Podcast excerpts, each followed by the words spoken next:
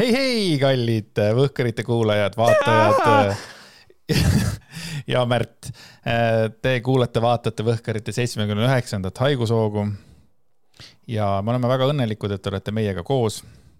ja Mina Märt, Märt Fucking on, assholes. Märt on sealpool ja Andreas on siinpool ekraani aga teie sellest aru ei saa, et me oleme erinevates kohtades, sest meie kvaliteet on high quality ja meie. ja teie on... olete kõik low quality. ja, ja meie content on. täna me röstime kuulajaid High content ja te kuulate premium. Teie olete low content Te kuulate premium podcast'i Võhkarid. ja teie pod... ei ole premium ja kõik podcast'id on Võhkarid, tähendab premium kõik podcast'id on Võhkarid. Te olete parasiidid äh,. kõik podcast'id on äh, premium, kui seal on content nii kõva nagu siin on. tähendab äh,, tere tulemast äh,, on septembrikuu, kõik on uus septembrikuus, lapsed läksid kooli. ka vanemad inimesed läksid kooli äh,. mul üks töökaaslane tõi täna tähelepanusse sellise lause, et äh, huvitav muidugi lauseehitus, et äh, tundub, et kõikidel lastel on autod tekkinud sest et eelnevatel päevadel sellist autode voolu ei olnud mm,, kui ta yeah. tööle sõitis, et. mulle meeldib panek. kõige rohkem siin. ei no mida sinagi esimene... tead, Märjamaal selles mõttes ei olegi autosid või on või? Äh, ei, Märjamaal on suur kaev keset küla ja siis me käime seal kõik joomas ähm... hobustega mis asi see open on? et äh, mis, mulle pakub alati kõige rohkem nalja see, et kui on see esimene septembri nädal, siis politsei on nagu noh, et kuna liikluses tekib nagu hästi järsku suur muutus, on ju, et noh, siis mm. pannakse nagu lisajõud välja ja natuke mõõdetakse kiirust, et kuulge, palun ärge lapsi alla ajage. ja mingeid inimesi ajab see nii meeletult närvi et nüüd politsei on väljas ja nüüd tahavad kõik trahvi teha ja mingisugune, jaa, aga see on laste turvalisuse pärast tegelikult ka nagu tšilli. et see on ka nagu sihuke huvitav suhtumine. tšilli-villi. Tšilli-villi, aga eh, kes kindlasti ei tšilli, on meie low content kuulajad ja üks nendest Christ. ja üks, kes ei ole low content kuulaja, tema on high content kuulaja kuna tema kirjutas meile ähm,, tahtis meid parandada ja ta kirjutas ja ta andis teada, tere tahaks kohe kinnitada, et jah, mul on enda liiga spetsiifiliste ajalooteadmiste pärast kergelt piinlik, kui küsida minult midagi Liivi sõja kohta, ei oska ma midagi öelda. aga kui Andreas küsis, mis värk selle kahe alumise ribi eemaldamisega on, et endalt suhu võtta, siis ma olin kohe, oot, ma tean seda. nii, nüüd olge valmis, nüüd tuleb nagu selline, mida ainult high content äh, kuulajad suudavad äh, jälgida. Mansonile on seda suhteliselt juhusliku homofoobia tõttu omistanud, omistatud. enne Mansonit kaheksakümnendatel käis see müüt printsi kohta, aga homofoobidel on prints äh, vist ununenud. päriselt selle müüdi esmane lähteallikas on Itaalia dekadentlik poeet ja sõjaväetegelane Gabriele D'Annunzio Eh, kes selle müüdi iseenda kohta liikvele lasi. enne olid seda kasutanud ribide eemaldamise väidet enda kohta kasutanud jah, mõned viktoriaanliku ajastu naised, kuna iluideaalid olid veidrad ja kuidagi pidi meeste fantaasiaid köitma. Martin Helmele sobib see ribide eemaldamine for self-sucking reasons maine kindlasti paremini kui Mansonile, kuna idee autor oli üks fašistliku liikumise peamisi inspireerijaid kuigi ta iseennast fašistiks ei nimetanud, pidas ta Mussolinit enda ideede odavaks äh, kopeerijaks ja vägagi õigustatult. D'Annunzio valitsust tuhat üheksasaja kahekümnendal kuni kahekümne teise Fiumi linnas peetakse esimeseks fašistliku valitsuse mudeliks, kus korporatiivne absoluutvõim kohtub dekadentliku poeesiaga tsivilisatsiooni allakäigu teemal ehk lihtsalt öeldes ebahumaansed paremäärmuslikud äripraktikad segunevad hämaga silmapiiril ähvardavad allakäigust ja vajadusest selle valguses kokku hoida ja mitte suud lahti teha täiesti arusaadav tegelikult. Äh, kokku ja kokkuvõttes ribide eemaldamine on Martinile maailmavaateliselt igati kohane operatsioon, kuigi paistab, et selle self-sucking uga tuleb tal ilma operatsioonitagi hästi toime. loodan, et olete nüüd natuke rohkem informeeritud, kui soovisite olla. paarimat, äh, Jott.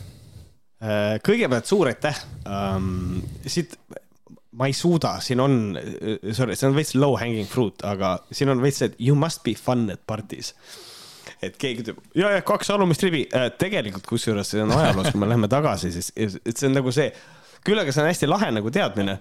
ja mulle, ja mulle väga meeldib nagu see, see, et noh, et Mansoni kohta seda öeldi ja öeldigi uh,. aga et seda on Printsi kohta öeldud, aga siis läksid, läksid Prints läks inimestel meelest ära. et noh, nüüd on Manson.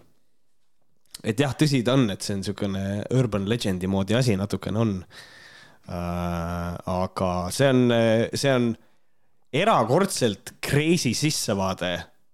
Uh, eriti võttes arvesse, et, et see on mingisugune oh, self-sucking, lõika kaks olumist ribi ära ja siis on mingi tüüp, kes on meie kuulaja, ütleb actually! Ja siis annab nagu selle, see on väga tore. Uh,. Jott, suur tänu sulle, see on ja. väga informeeriv, isegi liiga, aitäh, Jott, et võtsid kinni täiesti suvalisest arutelust, mis tekkis täiesti suvalisel hetkedel, äh, hetkel.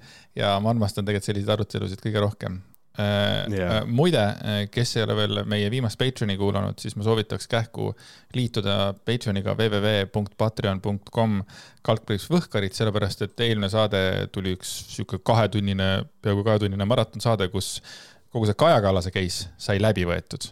me lugesime yeah. kommentaare, kus meie kohta öeldi oi-oi-oi, kui halvasti. siis äh, Eesti kahesaja selle jama, mis seal praegu toimub, selle hekseldasime läbi siis oli kõige selle aasta kõige rängem beef, Varro versus Malle Pärn. asju toimus ja siis oli veel äh, sellised väiksemad teevad nagu seda, teemad nagu seda, kuidas USA konservatiivid on sellised veits veidrad, äh, nende ideed. ja kõige olulisem teema oli tegelikult, kuidas rääkida vägistamisest. Äh, feministeeriumi üks selline artikkel. et kes ei ole veel Patreonid, seega ma ei tea, miks, kuidas see on võimalik nii tähtsad teemad minge. on teist mööda läinud, sest et Kaja Kallasest ma ei ole kindel, et me väga palju täna räägime muidu.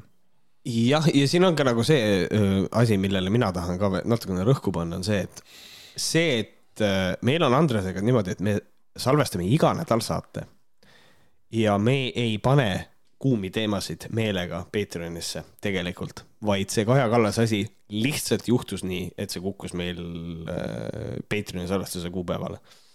et et, äh, et see ei olnud see, et ah oh,, paneme Kaja Kallase maksumüüri taha. vot ei olnud tegelikult nii niimoodi lihtsalt juhtus. aga kes on huvitatud meie seisukohtadest, absoluutselt, hüppake äh, Patreoni ja kuulake viima, viimast patroonhäälingut mm. -hmm. enne kui lähme nagu päris teemade juurde, kuigi kõik on päris teemad, siis ma tahaksin ühte, ühe kiire teema veel läbi lasta ja ma võtaksin selle ka enda peale mm. -hmm. Ülenurme, Tõrvandi, Kambja info ja uudised grupis oli selline teema algatan arutelu, et kas teie meelest on see okei okay,, kui koeri hoitakse asula tingimuses kakskümmend neli seitse õues ning nad äh, iga liikuva objekti või hääle peal hauguvad. mu naabritel on kaks suurt saksa lambakoera, kes päevad ja ööd läbi aias igavlevad ning otsivad haukumisega endale mingit tegevust. huvi pärast hakkasin eile üles märkima kellaaegasid, mil koerad haukusid. logi sai selline, kaheksa viiskümmend, üheksa null kuus üheksa, üksteist, üheksa, kolmteist, üheksa, viisteist, üheksa, kakskümmend üheksa, üheksa, kolmkümmend viis, kümme, kakskümmend üks, kümme, kolmkümmend neli, üksteist, kaksteist, üksteist, viisteist, üksteist, kakskümmend kaks, üksteist, kolmkümmend, kolmteist, nelikümmend viis, kolmteist, viiskümmend üheksa, neliteist, null kuus, neliteist, nelikümmend üheksa. vahepeal olin kodust ära. kakskümmend, null üheksa, kakskümmend, kaksteist, kakskümmend, nelikümmend, kakskümmend üks, null seitse, kakskümmend üks, kakskümmend viis, kakskümmend üks, viiskümmend, kakskümmend kaks, seitseteist, kakskümmend kolm, nelikümmend neli, null üks, kolmkümmend kuus, kaks, üheksateist. päris väsitav. öine haukumine on eriti häiriv, sest see katkestab pidevalt tund. koerte omanikud selles probleemi ei näe koer ei teinud piuksugi, koerad ju hauguvadki ja muud sellised vabadused vabandused samas kui teised ümbruskonna koerad on kenasti ööseks siseruumidesse võetud ning raabrite öörahu ei häiri. igatahes ma olen nagu väga, see Kambja vald äh, paneb ikka hullu viimasel ajal et äh, kõigepealt äh, said suure probleemi osaliseks lehmad, kes mitte ei, ei ammu, vaid lausa röögivad. Röögivad, see oli just see kõige parem lehmade juures röökivad lehmad. ja nüüd, nüüd on ette jäänud kaks äh, lambakoera, kes auguvad ehk siis, kes on tegelikult lihtsalt koerad. ma ootan huviga, kes on järgmine, sest kunagi oli Pärnus ka üks kukk, kes segas inimesi. ja oli küll jah mm -hmm.. vot siin tekib lihtsalt, siin on see huvitav pro, nagu probleem või tähendab, räägime kõigepealt lahendusest, lahendus on hästi lihtne. Koli ära lihtsalt koli ära. Get the fuck'i või? Äh, et nagu selles mõttes, mind huvitab see ka, et koer ei teinud piuksugi.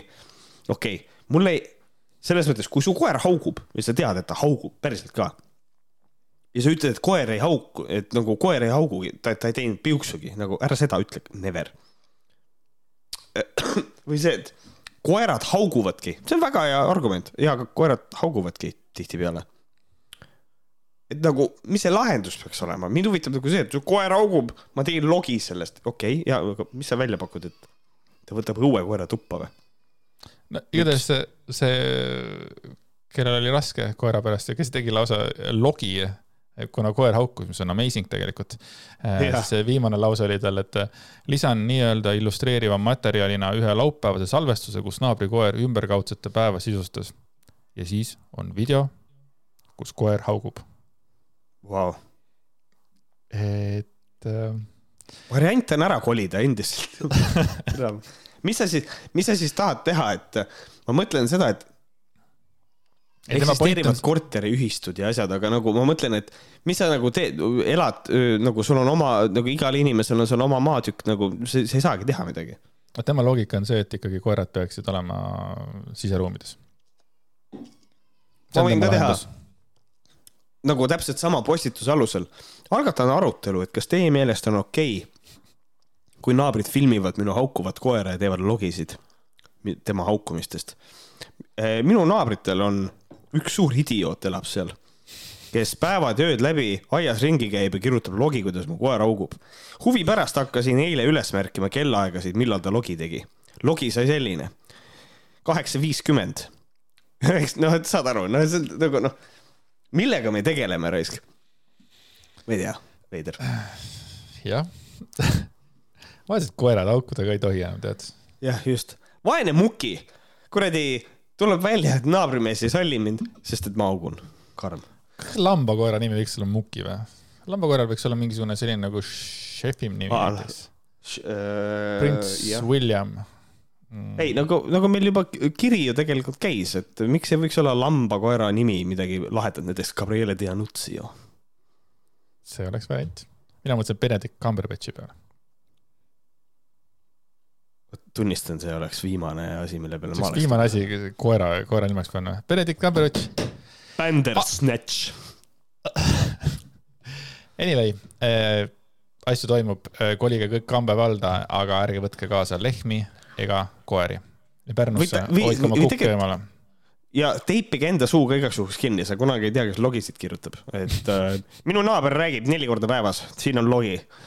et see on päris, päris hull. -hmm aga ja. rääkides, rääkides siin haukumisest ja, ja lammastest ja tuleb kohe meelde sihuke tore, vahva mees. Eesti üks äh, tulihingelisemaid vabadusvõitlejaid, Tõnumaa Hando. ja üks suurimaid kirjamehi ka tegelikult. ja absoluutselt üks suurimaid kirjamehi, kes kolmekümnendal augustil Telegrami kirjutas kahjuks ja siis äh, nüüd räägime siis sellest. ja Hando kirjutas niimoodi kui Kaja astuks tagasi, siis oleks meil kõigil ilus kodu ja uhke auto, me elaksime koos oma unistuste partneriga, meie sõbrad ja lapsed armastaksid ja austaksid meid. me oleksime vaimselt ja füüsiliselt tugevad, me hakkaksime raamatuid lugema, trennis käima. me loobuksime rämpstoidust, alkoholist, narkootikumidest, suitsetamisest, pornost, suhkrust ja isegi kohvi joomise jätaksime maha. me ei ütleks enam kunagi mitte kellelegi halvasti ja ka iseendasse suhtumine suhtu, suhtuksime alati austuse ja lugupidamisega. meie elu oleks täiuslik, kui vaid see Kaja Kallas tagasi astuks. nii, ja nüüd tuleb siis väike äh, tüng.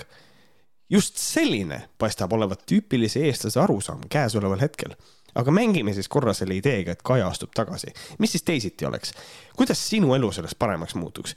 kes sobiks Kaja, Kaja asemele sinna jutumärkides valitsusse?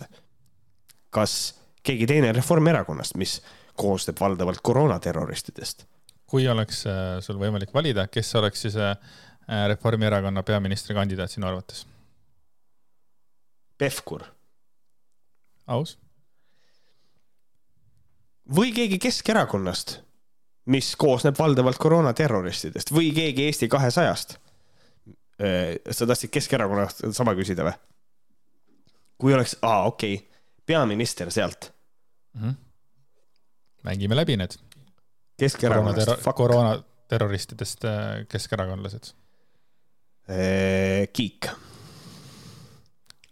Nonii, jätka. Ehm, või keegi Eesti kahesajast, mis koosneb valdavalt koroonaterroristidest. Kristjan Kallas. ja sellega ma sekundeerin. Või keegi Isamaast, mis koosneb valdavalt koroonaterroristidest. Kristjan Järvan.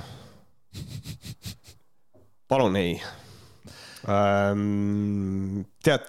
Kalle Muuli okay., Kalle Muuli on sinu pakkumine ei, minu pakkumine on ikkagi, läheneme re realistlikult, kui oleks Isamaa võidaks valimised ja siis mul on nii Märt, kes läheb, siis mina peaministriks tahaks äh, võib-olla Tõnis Lukast, aga see on hästi ebatõenäoline, siis ilmselt on Reinsalu. See, kui sa Tõnis ära ütlesid, ma mõtlesin, et kas tõesti Palts, kas tõesti? ei, ei Võhkrid oli peaaegu cancelled ehm, või keegi EKRE-st, mis koosneb valdavalt koroonaterroristidest. EKRE-st.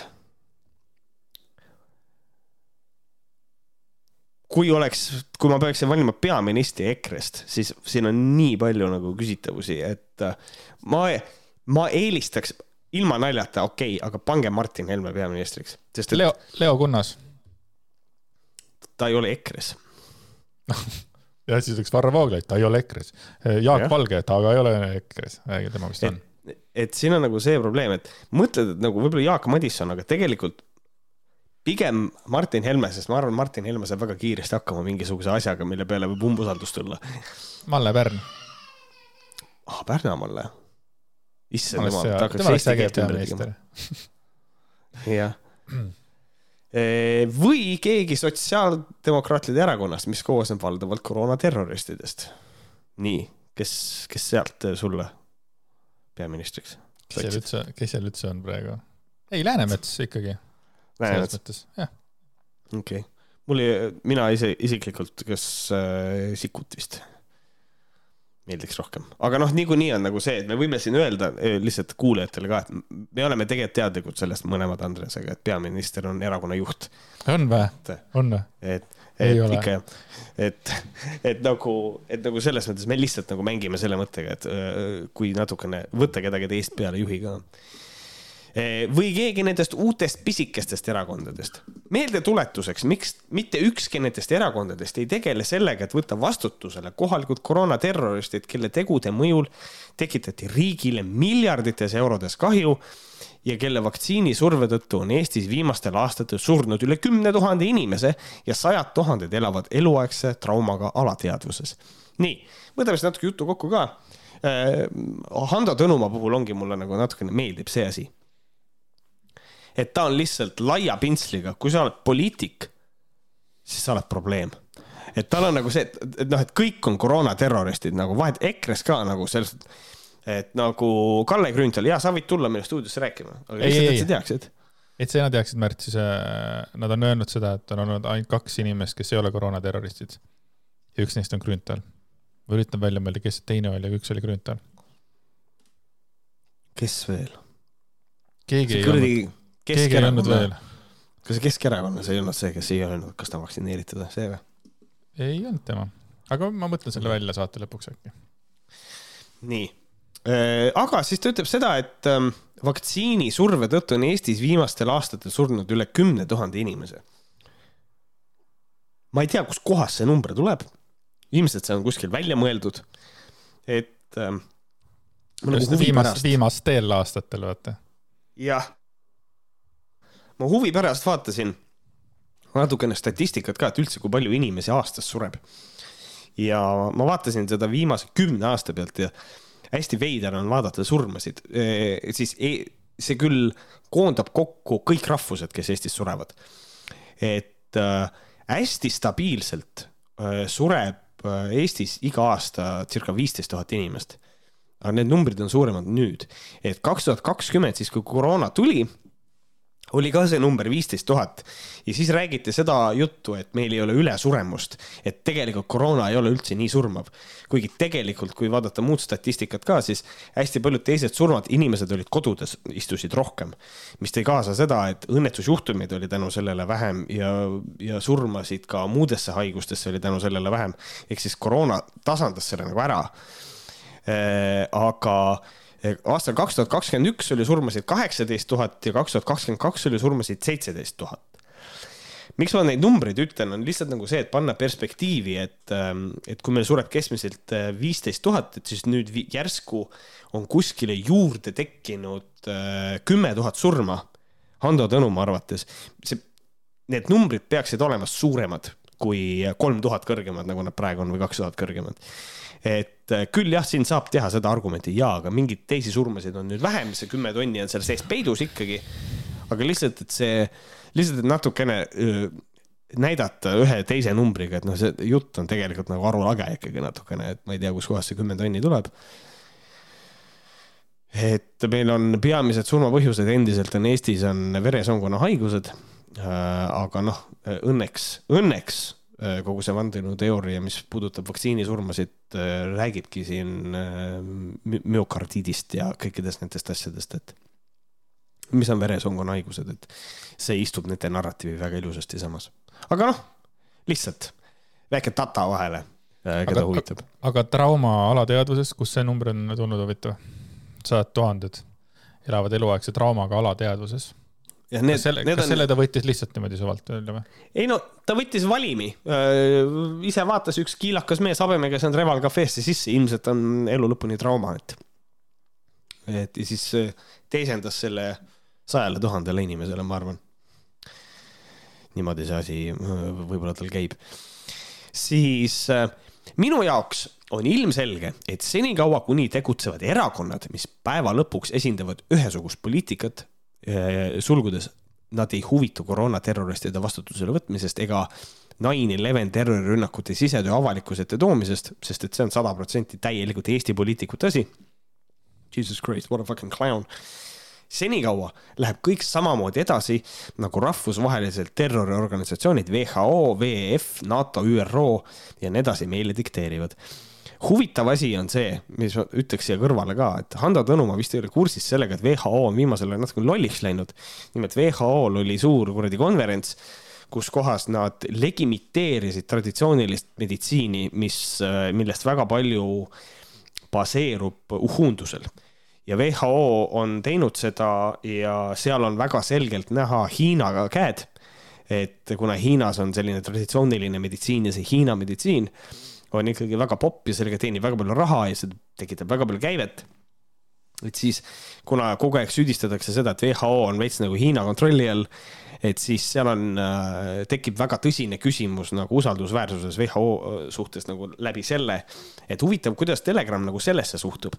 sest et äh, see selline huundus ja traditsiooniline meditsiin on ikkagi asi, mis nagu neile nagu vastuvõetavam, et kuidas suhtuda sellest, et WHO nüüd seda ka nagu toetab, et see on ikka tegelikult päris huvitav asi. ilmselt see info pole nendeni jõudnudki. ega kõigega ei suuda olla ka nagu jah no,, just, just. selles mõttes ehm, ja siis ütleb äh, Hando seda, lühikokkuvõttes liigume hetkel täieliku kontrollühiskonna äh, loomise suunas, mille eeskuju võetakse Hiinast. okei okay., selle kümnendi lõpuks plaanitakse rakendada kõikjal maailmas sotsiaalkrediidisüsteem. nii, pakun välja. Sotsiaalkrediidisüsteem, kes ei tea, mis asi see on, siis sotsiaalkrediidisüsteem on see, et äh, kõik sinu otsused, asjad, kõik, mis sa teed äh, annavad sulle üldiselt nagu nii-öelda skoori, kas siis viie või kümne või mis iganes skaalal nagu. ja see määrab sinu elus väga palju.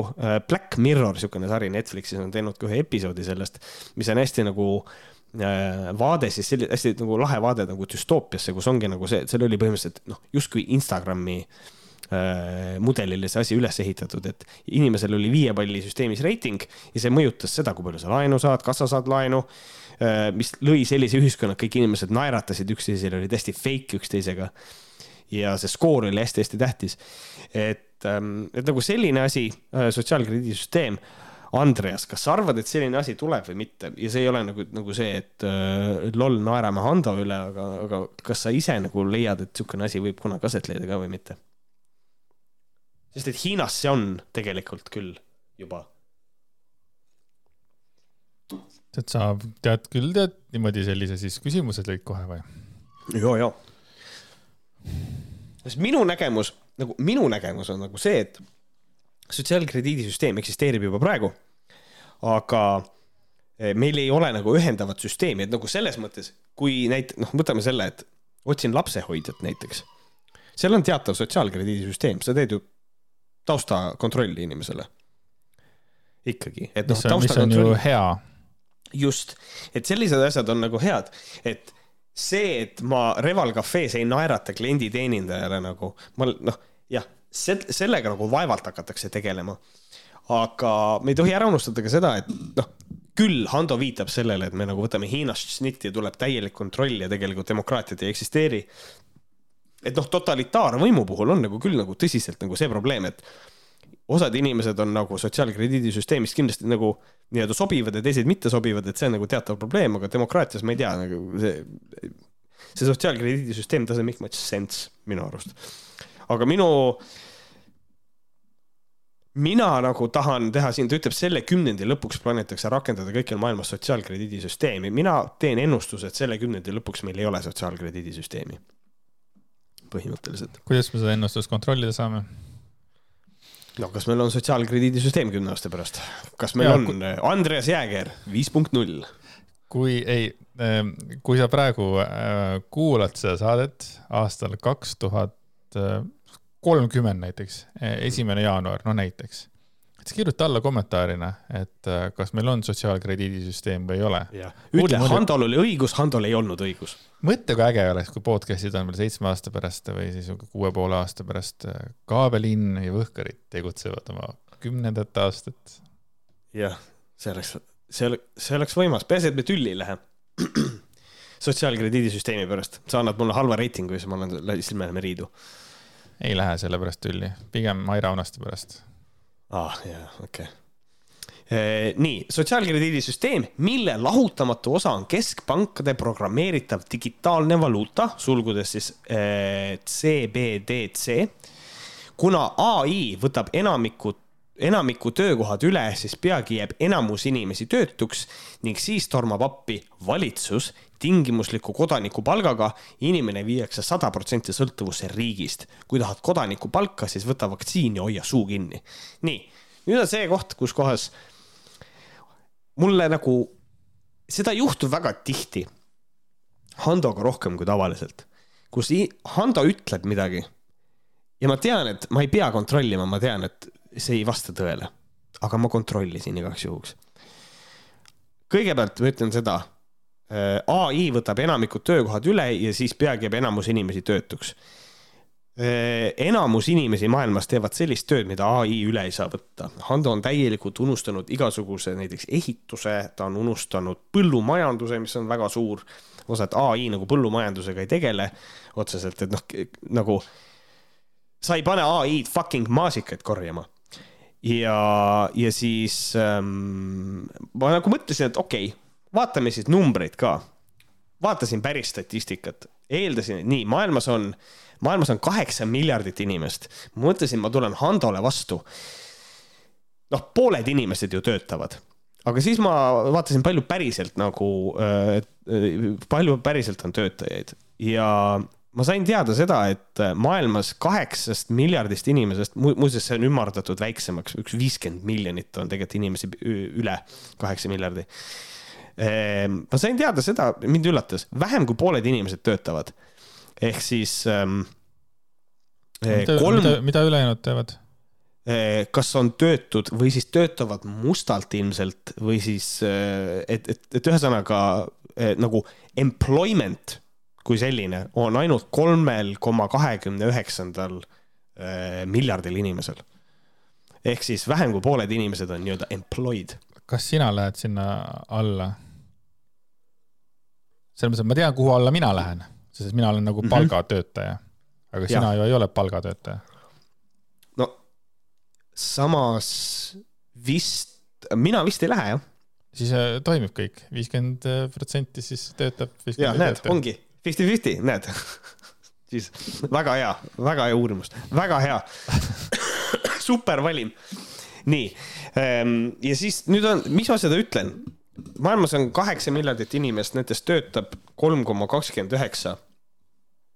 Äh, ja nüüd on nagu see osad, siis võtame selle kolm koma kakskümmend üheksa miljardit inimest, kes töötavad. ja praeguse prognoosi koha pealt äh, ai võtab ära äh, kolmsada miljonit töökohta. kolmsada miljonit, kui me mõtleme selle numbri peale, siis on tegelikult päris palju. aga see tähendab seda, et kõikidelt töötavatelt inimestelt võetakse ära töökohtasid kümme protsenti kokku. Või noh, kui täpsemad oleme, siis üheksa koma üks, üks, kaheksa Ehm, ma ei tea, minu põhikooli matemaatika ütleb mulle seda et, et kümme protsenti ei ole enamus.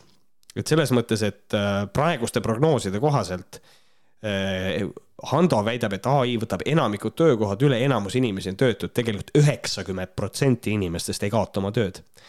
rääkimata sellest, mille peale Hando üldse ei mõtle, on see, et ai võib ka töökohtasid juurde tekitada. toon to,, toon näite. Äh, ai on asi, masin üldse on selline asi, et infotöötlus kui selline, masinat ei saa lasta seda tööd üksinda teha. et selles mõttes, et siin võib olla just nimelt niimoodi, et üks inimene näiteks koostab mingit andmebaasi. ta saab kõrget palka selle eest, et seda andmebaasi koostada. aga siis ta jääb oma töökohast ilma, äh, sest et ai teeb selle ise ära. aga keegi peab andmebaasi kontrollima, kas see on õigesti koostatud ja võib-olla selle asemele võetakse kaks inimest tööle, küll väiksema palgaga, mis tähendab ettevõttele võib-olla kokkuhoidu. aga, aga töökohad on endiselt nagu ühe töökoha asemele võib-olla tekib kaks juurde. teine asi on see, töökohad ka teisenevad, ehk siis seesama inimene, kes enne eh, töötas koostas andmebaase, võib-olla tema jääb üksinda andmebaase kontrollima, et ai koostab, tema töö läheb lihtsamaks. tööd lähevad lihtsamaks, tekib neljanädalane või tähendab neljapäevane töönädal võib-olla. et siin on kõik sellised asjad, mille peale Hando absoluutselt ei mõtle. aga noh, äh, see ei ole tegelikult meile mitte mingisugune üllatus. et siin jälle nagu selline äh, nii ilmselgelt üle võlli väide äh, vajab selle koha peal kindlasti nagu kontrolli, et äh,, et nagu tegelikult äh, ikkagi ei jää enamus inimesi tööta äh,. ja, ja kõige huvitavam ongi nagu see, et ai puhul on räägitud uuest tööstusrevolutsioonist ja siis nagu sellest, et mismoodi tegelikult see mõjutab hoopis teisi inimesi, et, et kui oli tööstusrevolutsioon, siis füüsiline, kõige nagu lihtsam tööinimene kannatas, sellepärast et masinad hakkasid tööd tegema, tekkis automatsioon ja kõik see. aga ai puhul äh, on tihtipeale kannatab hoopis middle management äh, ehk siis see inimene, kes on põllumees. ai-st täiesti pohhui, sellepärast et ai mul vilja ei hakka lõikama, et see on nagu niisugune huvitav olukord meil üldiselt. ma just tahtsin seda öelda, et äh, alati ju kõik uus on hirmutav, et see masinate näide mul peas käis ka, et nagu, et noh, kui masinad tulid, siis oli ka hirm, et kõik võetakse käest ära, eks ole. ja noh, ma ei tea, äkki sihuke loll näide nagu ma ei tea, kui, kui süntesaator tuli midagi siis arvati ka, et enam nagu päris muusikat enam kunagi ei tule, sest kõike saab teha äh, sünniga hiljem nagu arvutitega värki, aga ei ole midagi tegelikult välja surnud mm. -hmm. ei ole, ei ole midagi nii must ja valge olnud mm. -hmm. kui ja kusjuures ongi kõige naljakam on see, et muusika on hea näide, võtame nagu terve selle nagu valdkonna, muusikavaldkond on ju tegelikult sünt ja kõik need äh, tööriistad on inimestele palju kättesaadavamad, mis tegelikult tähendab seda, et muusikat saab teha, rohkem inimesi saab muusikat teha, see on neile kättesaadavad, need võimalused, et seda teha. Self-publishing Spotify's on üks lihtsamaid asju. perse, äh, meie oleme ka hea näide ju, et selles mõttes nagu kõik see, mina olen Märjamaal kuradi Andres istub Tartus, me teeme podcast'i, me läheme seda ülesse, meil on kuulajaid, me saame seda teha eri maailma otstest, et nagu selles mõttes äh, inimene peab olema lihtsalt suuteline adapteeruma, et noh, siin on ka nagu see näide, et need restoranid, kes koroona ajal öö, otsustasid, et ei, meie kojuveoga tegelema ei hakka, me ei hakka seda asja organiseerima, väga paljud panid oma business'i kinni, sest et neil ei olnud käivet lihtsalt. et noh, siin on ka nagu see kohanemise võime on hästi oluline inimeste puhul. et ähm, noh, see on niisugune, niisugune asi. lisaks tuleb asju tagasi äh, nagu ja. kõik käib ringiga, onju, noh, alustame, ma ei tea, riietusest, aga näiteks äh, filmide puhul on ähm, kui mingi hetk võttis nagu üle see, oli see 3D asi, hakati 3D-na tegema ja mingist igast mm -hmm. asju, siis praegu ta on jälle jooksnud tagasi sinna nagu nimetatud tavalise selle juurde, pluss nüüd on tulnud siis mingisugused režissöörid, kes on lõpetanud üldse selle arvutigraafika asja ära, et noh, Oppenheimer oli üks näide, et noh, muidugi, et nagu see ei ole nii, et Oppenheimeris üldse ei olnud arvuti, ei, ei, lihtsalt, et nad teevad nagu päriselt neid asju, mitte ei tehta nagu kuradi kuskil green screen'i ees, eks ole. ja kui halvasti asjad tegelikult vananevad, nagu on hästi palju asju, mis on nii halvasti vananenud, sa vaatad seda, et see ei ole reaalne, kuidas? ja siis on mingid ja. asjad, mis on nagu aastal üheksakümmend üks mingisugune Cameroni asjad, mõtled ja, ja see siiamaani nagu fucking toimib. ja see on nagu, jah, just vaata, see on nagu ma rääkisin Kirke Karjaga ju öö, oma striimis ka sellest, et noh, et kas, et kas teda kui kunstnikku, kas ta nagu, noh, pianist, eks ole, helilooja. kas ai hirmutab teda ka? ja vastus oli, et noh, ei. sest et põhimõte oli selles, et noh, et tegelikult noh, mis puudutab üldse muusika, seda, et ai teeb muusikat, noh, sellega on üldse selline case, et see on siiamaani üsna läbinähtav, nagu see ei ole nagu väga arenenud, aga ta areneb nagu selles mõttes edasi kindlasti. aga teine asi on see ka, et eh, täpselt samamoodi ka ai kunst, mis eh,, mis, mis tekib ja, ja kui keegi ütleb mulle, et aga ai tehtud kunst ei ole tegelikult kunst, okei okay,, fight me, ma võin selle teema debatti pidada, aga eh,, aga kõik selline asi tegelikult on nagu see ka, et äh, võib-olla keegi just ütleb, aga ma tahan inimese maalitud pilti. ma tean, ma võin ai-ga genereerida siia pildi hästi odavalt, võib-olla keegi kuskil teeb, natukene retušeerib ja, ja, ja aga ma tahan päriselt inimene maalib, et nagu see nõudlus ei kao ära nagu, et noh, ikkagi see nagu see, nagu, nagu sa ütlesid saate alguses, see on nagu see premium värk. et noh, et ma leian, et see on, see hirm on täiesti üleliigne. jah ma arvan ka, seega siis äh, mina ütlen ka, et sotsiaalkrediidisüsteemi ei tule. Davai, nice, nice, täitsa perses, mõtlen, läheb seitse aastat mööda. Ja ongi, kõikide nimede taga on, äh, on kümnepallisüsteem ja siis me oleme lihtsalt oh,, sorry, sorry, me eksisime. okei okay,, davai, aga kui on mingi ühe, ühe palli vend, siis mul on üks punkt, mis siis, mis siis minust saab, kas ma olen nagu välja lõigatud kuidagi äh, sotsiaalselt või lihtsalt, no jätame, jätame need laenud välja mis siis, no vaata, äh, no aga see sõltubki sellest, et kuidas, see sõltub hästi palju ka nagu ühiskonnast selles mõttes, et kuidas ühiskond selle vastu võtab. kui ühiskond selle vastu võtab, võib-olla nagu see, et sind ei kutsuta mingisugustele üritustele äh,. nagunii ei kutsuta ühelegi üritusele. Äh, võib-olla on see, et podcast'i teeme al, algoritm vaatab, okei okay,, seal on üks inimene ühega, ei push'i meie saadet võib-olla feed idesse, kõik siuksed asjad võib-olla. ei, siis ei saa lasta, siis ei saa lasta. siis ei saa lasta. siis tuleb ikkagi naeratada kõikidele lihtsalt kogu aeg. kõige kurvem on see, et nagu neid naeratusi ei tule üldse nii palju vastu, kui tahaks, vaata. mina võin ju naeratada, aga tead, need pessimistlikud eestlased tead oi, oi, oi, oi, oi. naeratage rohkem. naeratage rohkem, kogu aeg, jaa. kogu aeg loll irve näos.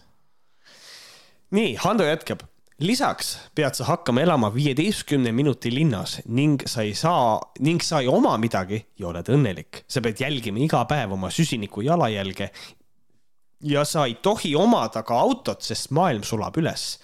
ja need inimesed, kes sulle seda juttu räägivad, ise lendavad ringi eralennukitega. aga kui sa sellele faktile tähelepanu juhid, siis kodanikupalka ei saa.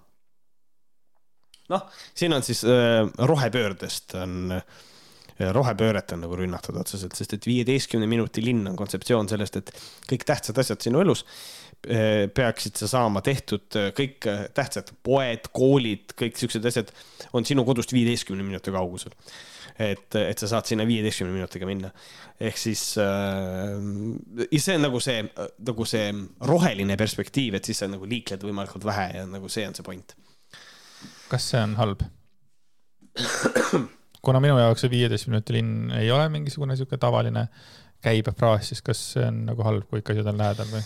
Ma arvan, et kompoti jaoks on see nagu mm, nagu see idee on nagu äge, mul ei ole selle vastu midagi, aga, aga ta on siin pandud selle, sellesse rohekompotti, mis on nagu see, et sa ei, sa ei oma ka midagi ja et sul on eh, süsiniku jalajälge pead jälgima kogu aeg, autot ei tohi olla, noh, mis on asi, mida ma ei usu, autot tohib omada kindlasti. Ehm, muidu, kas Handol on Spotify näiteks või? Kas tal on Spotify account, mille eest ta nagu maksab nüüd seitse üheksakümmend üheksa, varem oli kuus üheksakümmend üheksa? ma ei tea, raisk. kui on, siis ta on juba omadega perses. ta ei oma mitte midagi ja ta on õnnelik. mind nagu kõige rohkem häiribki selle asja juures see, et ähm, sa ei oma mitte midagi, aga sa oled õnnelik. samas ta nagu, et... kui mäletad seda, kui räägiti Telegrami sellest suurest, äh, sellest kontorist, kui palju nad maksavad üüri või tuhat euri mis iganes. samamoodi, ta ei, ta ei oma seda, eks ole, ta on maru õnnelik seal töötades. just aga, aga vot ongi, et tegelikult asjade rentimine teeb, teeb inimesele nagu väga paljud asjad ähm, äh, tarbitavaks või nagu toob selle asja inimesele kätte, mida ta võib-olla noh, näiteks ma võin rentida mingisugune, noh, mis iganes, vahet ei ole ka nagu täpselt, millest me räägime, ma võin rentida mingisuguse seadme mingiks ajaks endale, et ma saaksin seda kasutada kui ma ei jaksa seda osta endale. et noh, see kontseptsioon puhtalt nagu on, on tegelikult minu arust ja see sõltub ka inimese rahakotist, et nagu selles mõttes, kas mul on raha, et mingi asi kohe nagu välja osta. ja teine asi, kas sellel on ka mõte, et, ähm, et noh, et mõtleme korra selle peale, liitud Teliaga, onju. ja siis nad küsivad, kas sa tahad ruuteri välja osta või sa tahad selle rentida ja siis mõtled, noh, ma ostan selle välja, siis see on minu oma ja, aga siis seda ei vahetata välja, kui neil on tehnoloogia vahetus. sa pead uue ruuteri ostma, kui sa rendid, siis sulle tuuakse uus ruuter. ja nüüd öeldakse selle peale, no aga see ongi lõks, aga ei, tegelikult see ei ole lõks. sa võid selle, sa võid selle välja osta, kui sa tahad, aga see on, see ei ole nagu hea mõte, sellepärast et kui sa rendid, siis see asi ei ole sinu oma, mis tähendab, et ettevõte vastutab selle eest, et sul oleks seade, mis toimib et tegelikult nagu mõnes mõttes ikkagi see asjade rentimine, et sa ei oma seda asja, see on nagu hea asi. nagu kui sa üürikorteris elad, okei okay,, võib-olla üür on kõrge, onju, ütleme, võib-olla see sind häirib. aga teine asi, see, et tegelikult, kui sul on nagu see, et kurat, sinna korteris ei ole porimatti, siis sa helistad korteri omanikule ja ütled talle, kuule, sul ei ole porimatti, kas sa saad mul porimati tuua? ja tegelikult mm -hmm, ta toob sulle porimati, sest et see on tema korter ja kui te ei ole siukseid asju kasutanud, siis te ei oska elada, sorry, noh, ma ei tea, siin on nagu, siin on nagu selle asjade omamise ja mitteomamisega, siin on nagu selliseid kohti ikka väga palju, mille peale tasub nagu mõelda. et, et noh, mõnes mõttes on nagu see ka, et kui näiteks elada viieteistkümne minuti linnas, siis me ei saa rääkida sellest, sa ei tohi autot omada, võib-olla ei ole mõtet autot omada, võib-olla on palju lihtsam võtta rendiautosid samas kõrvalt, teha väike sõit ära ja, ja minu kulud aasta peale kui mul oleks oma auto, et sellega hooldusest, võib-olla tegelikult ma kokkuvõttes hoian rohkem raha kokku. aga see on asi, äh, mille peale need inimesed ei taha mõelda, sellepärast et nad on õudselt oma eraomandi pärast nagu, nagu hirmul.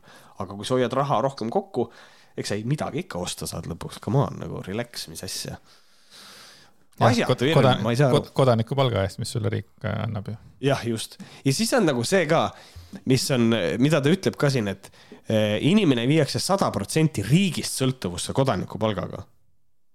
ja siis mul tekib tõsiselt nagu küsimus. kas sa praegusel hetkel ei sõltu sada protsenti riigist või? et nagu me sõltume riigist hästi palju, okei okay,, me võime öelda, et mitte sada protsenti, aga ikkagi suuresti küll. meil on nii palju erinevaid institutsioone, mis korraldavad meie eluolu Eestis, mis on tegelikult riigi omad. kallis Hando, sul on ettevõte. Nii, kes on taganud selle eest, et sinu ettevõttel oleksid mingisugused garantiid, et inimesed nagu äh,, inimesed nagu äh, saaksid kõik veebimaksed ja asjad, kõik need asjad on legaliseeritud äh, meil, nagu seda on riik teinud, et nagu selles mõttes, et sul on jah, eraettevõtetega mingid asjad, aga need kõik regulatsioonid on teinud riik. Ähm, et kui, ma ei tea, kui ma tulen ja peksan sul kuradi kontori segi, siis kuhu sa helistad? sa helistad politseisse siis sa sõltud riigist, et see asi korda saaks, noh, et kõik siuksed asjad, et nagu see on hästi naljakas.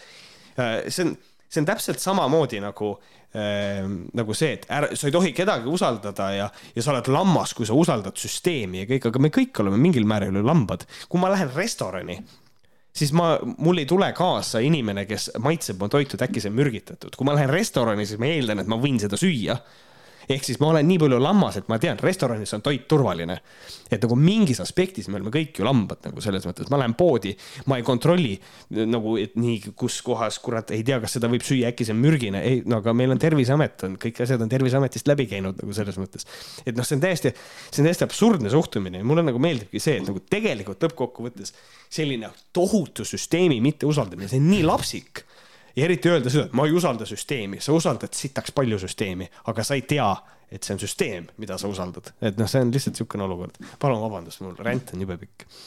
aga hästi populaarne on tänapäeval mõelda seda, et ikkagi, kuidas ole, oleks vaja ikkagi enda toit ise kasvatada, ikkagi minna maale, värske õhk, telefonid ära mm, -hmm. et noh, see on see asi, mida nad nüüd praegu ka push ivad veits ja kui ma ütlen naad, siis ma mõtlengi neid, kes seda süsteemi ei äh,, ei hinda. aga ma tahaks teada, kui suur osa tegelikult nagu äh, seda suudab teha ja niimoodi ära elada mm, -hmm. et olla täiesti sõltumatu nagu kõigest. Nagu kõik, ja kusjuures, nagu. ja kusjuures, aga räägime nüüd süsteemi usaldamisest ka jälle, et äh, praegusel hetkel, selle nimi ei ole enam KredEx, nad muutsid oma nime. aga no põhimõtteliselt KredExi järeltulija onju. Nad käendavad kodulaenusid, et inimesed saaks kolida maale. ehk siis praegusel hetkel süsteem, seesama süsteem toetab seda ideed. mine koli maale, mine koli tõmbekeskustest väljapoole, kasvata endale ise toitu, võt-, osta endale suur maalapp, kui sul rahakott lubab ja tee seda. aga miks süsteem seda toetab? võib-olla siis peaks just vastupidi, Hando tahaks just nimelt mida rohkem kesklinna kolida, seda parem, sest et süsteem millegipärast toetab seda maale kolimist, et noh, siin tekivad kohe nagu need küsimused, noh, et noh, ongi, eh, kust ma nüüd selle piiri tõmban, millal on okei okay usaldada, millal ei ole? aus, aus rünnak süsteemi ja lamemaalaste pihta. Eh, Hando jätkab me saame selle rongi peatada ainult siis, kui tuleme kollektiivselt kokku ja näitame kogu valitsusele, sealhulgas ka päeva lõpuks samasugust poliitikat vedavale opositsioonierakondadele keskmist sõrme ja ütleme viisakalt ei, meile aitab. ta oleks võinud öelda. ei, meile aitab. just, teine variant. nii kahju, et ei teinud seda, ta oleks võinud öelda, et, et, et näitame keskmist sõrme ja ütleme viisakalt aitab küll missed opportunity sada protsenti. nii, ja nüüd, oh my god, me peaksime looma sellise süsteemi, kus maksab rahva sõna, mitte ametliku doktriini ainutõde. see uus süsteem on nagu intelligentne mesitaru, mis töötab kui kellavärk.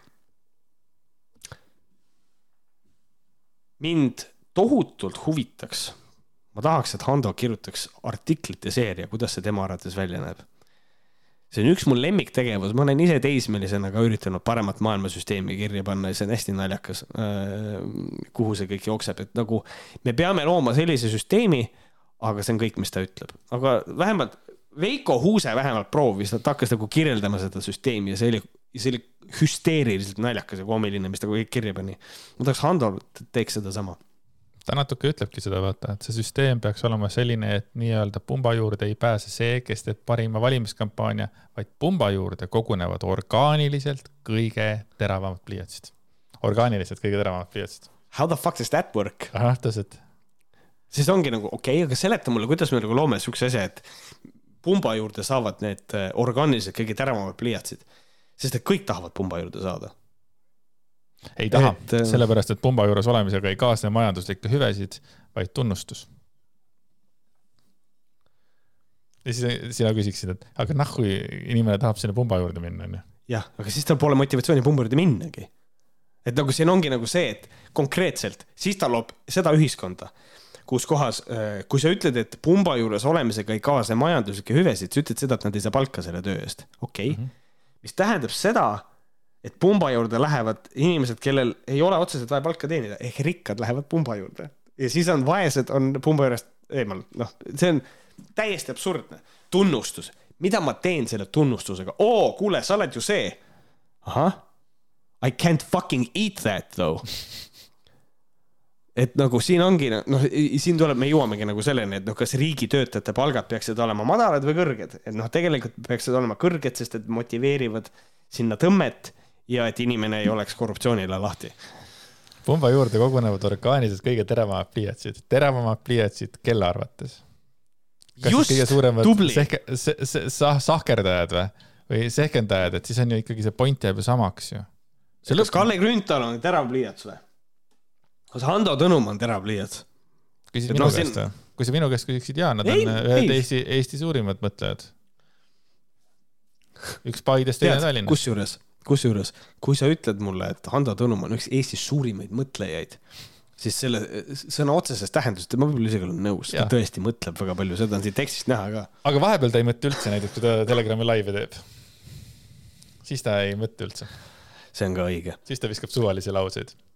nii äh, pumbast veel, pumba juures on sellised inimesed, kes oskavad rahvale tutvustada väljakutseid, et neid üheskoos kõige efektiivsemalt lahendatud saadaks. nii Hando, kallikene.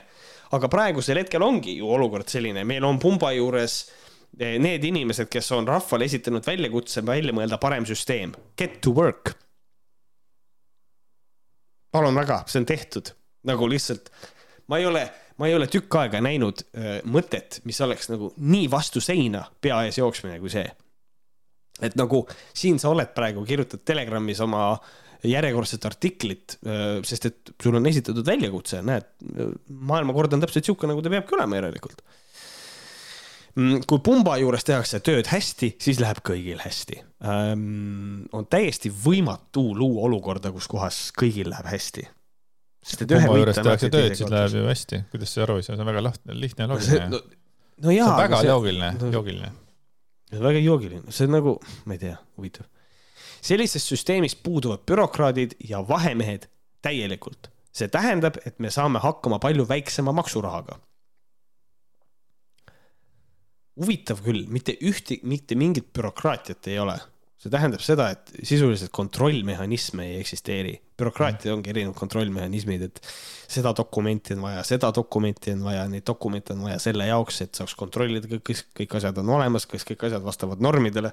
aga ei, Hando arvates on lihtsalt pukis kõige suuremad sahke-, sahkerdajad ja kõigil läheb Jah. hästi. just, et noh, kas, et kas notarid on nagu vahemehed, et kas notarid on nagu kõik sulid ja kelmid või, et nagu selles mõttes, et olles ise siin seoses pärimisega nagu notaritega nagu tegutsenud, siis tegelikult kui sa ikka paar korda notari juures käid, oled ära käinud, siis sa saad aru, kui vajalik asi see tegelikult on. et oleks lepingud, mis oleks notariaalselt kinnitatud, sest et kui bürokraatiad ei osale, kui me kaotame notari ära, see tähendab seda, et ühestki lepingust otseselt kinni pidama ei pea, sest et riigil ei ole mehhanismi, mis ütleks, mina teen Handoga lepingu Äh, kirjutame lepingu peale, sina annad mulle kaks kilo kulda, ma ehitan sulle puukuuri. ma võtan kaks kilo kulda endale, ma puukuuri ei ehita.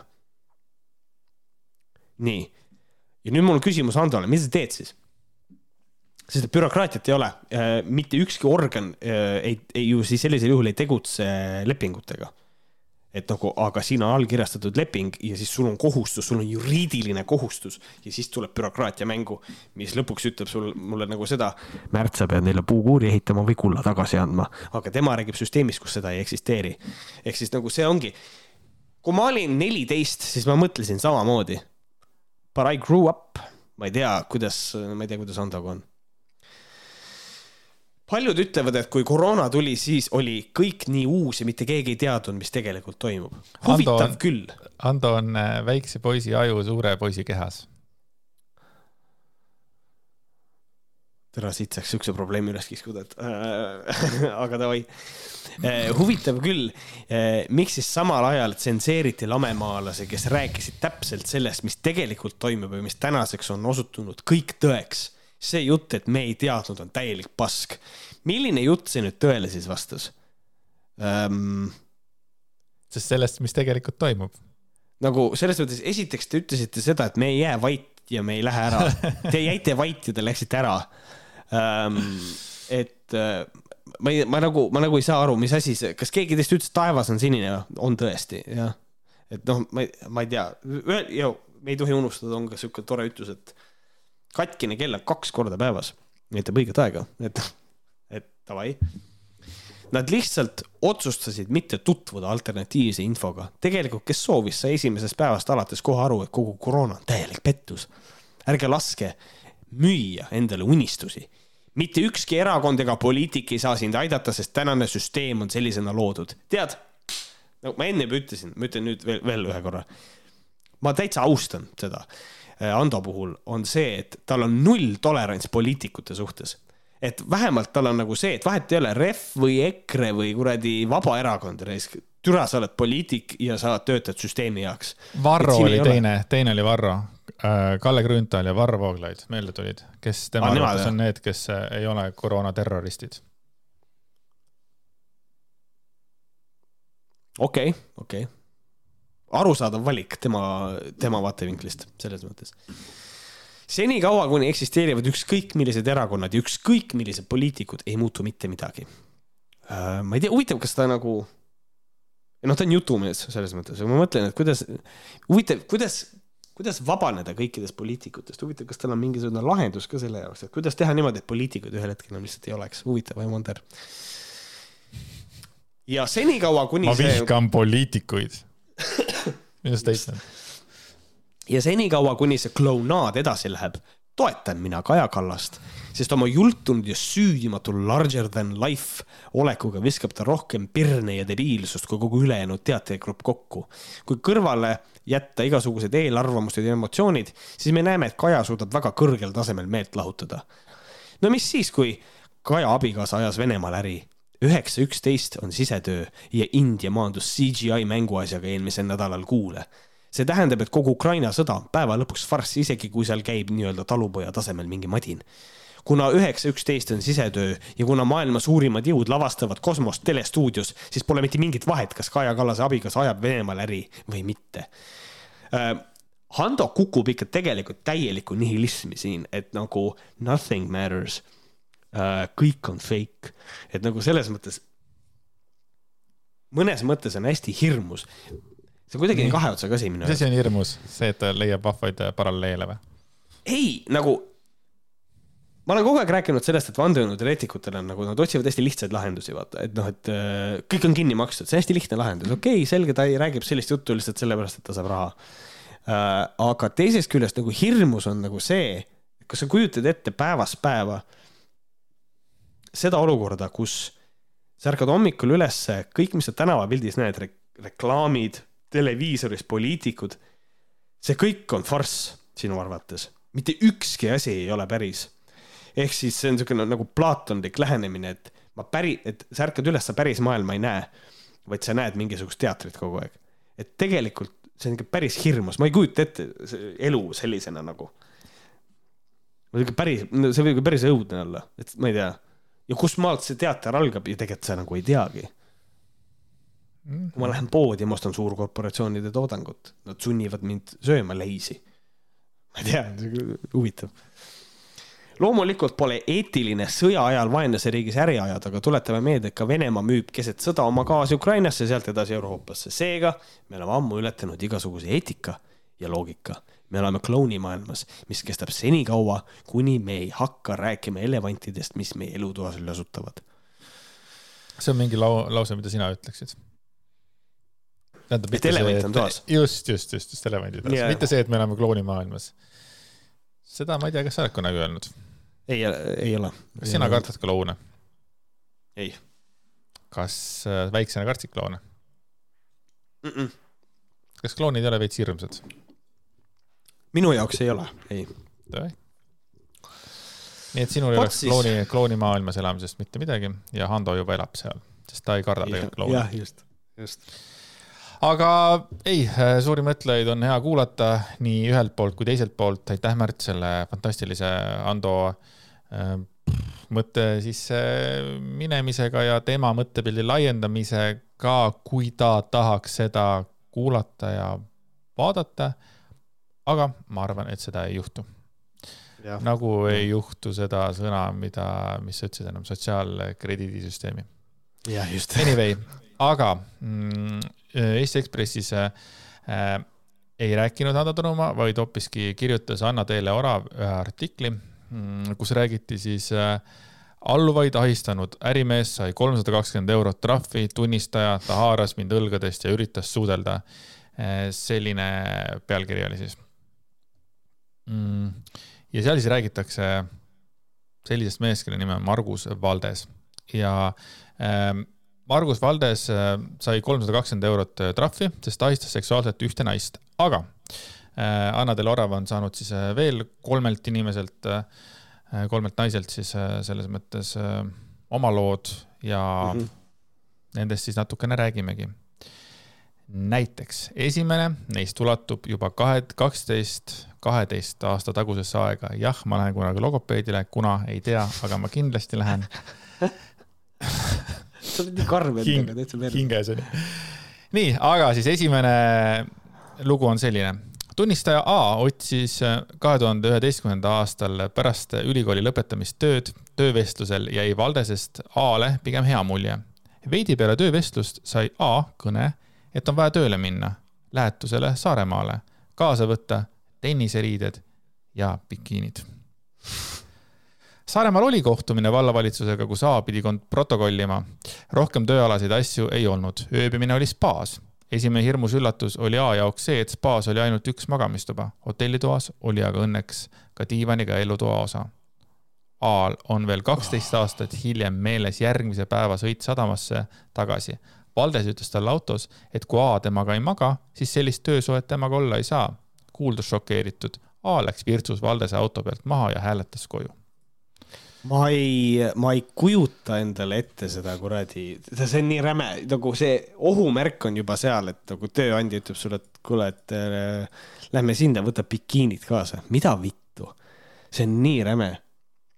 Ja tenniseriided, huvitav nagu..., kas tenniseriideid äh, pidi nagu ekstra minema ostma, sellepärast kui sul ei ole tenniseriideid? issand jumal, ma isegi ei mõelnud selle peale, tenniseriided on asi, mida, mis igal inimesel ju ei ole. Sin, sinul on, eks ole, kindlasti? minul äh,. mul ei ole, mul ei ole tenniseidki, nii et aga meeste, meeste tenniseriided äh, on sellised lühikesed väiksed püksid, ma eeldan. Vist, äh, vist jah. issand aga..., kas ma sulle seda nalja olen rääkinud, et kui sa paned tennisemängijale midagi auto pagasnikusse, siis tead, kus sa selle paned või? Andre Pagassi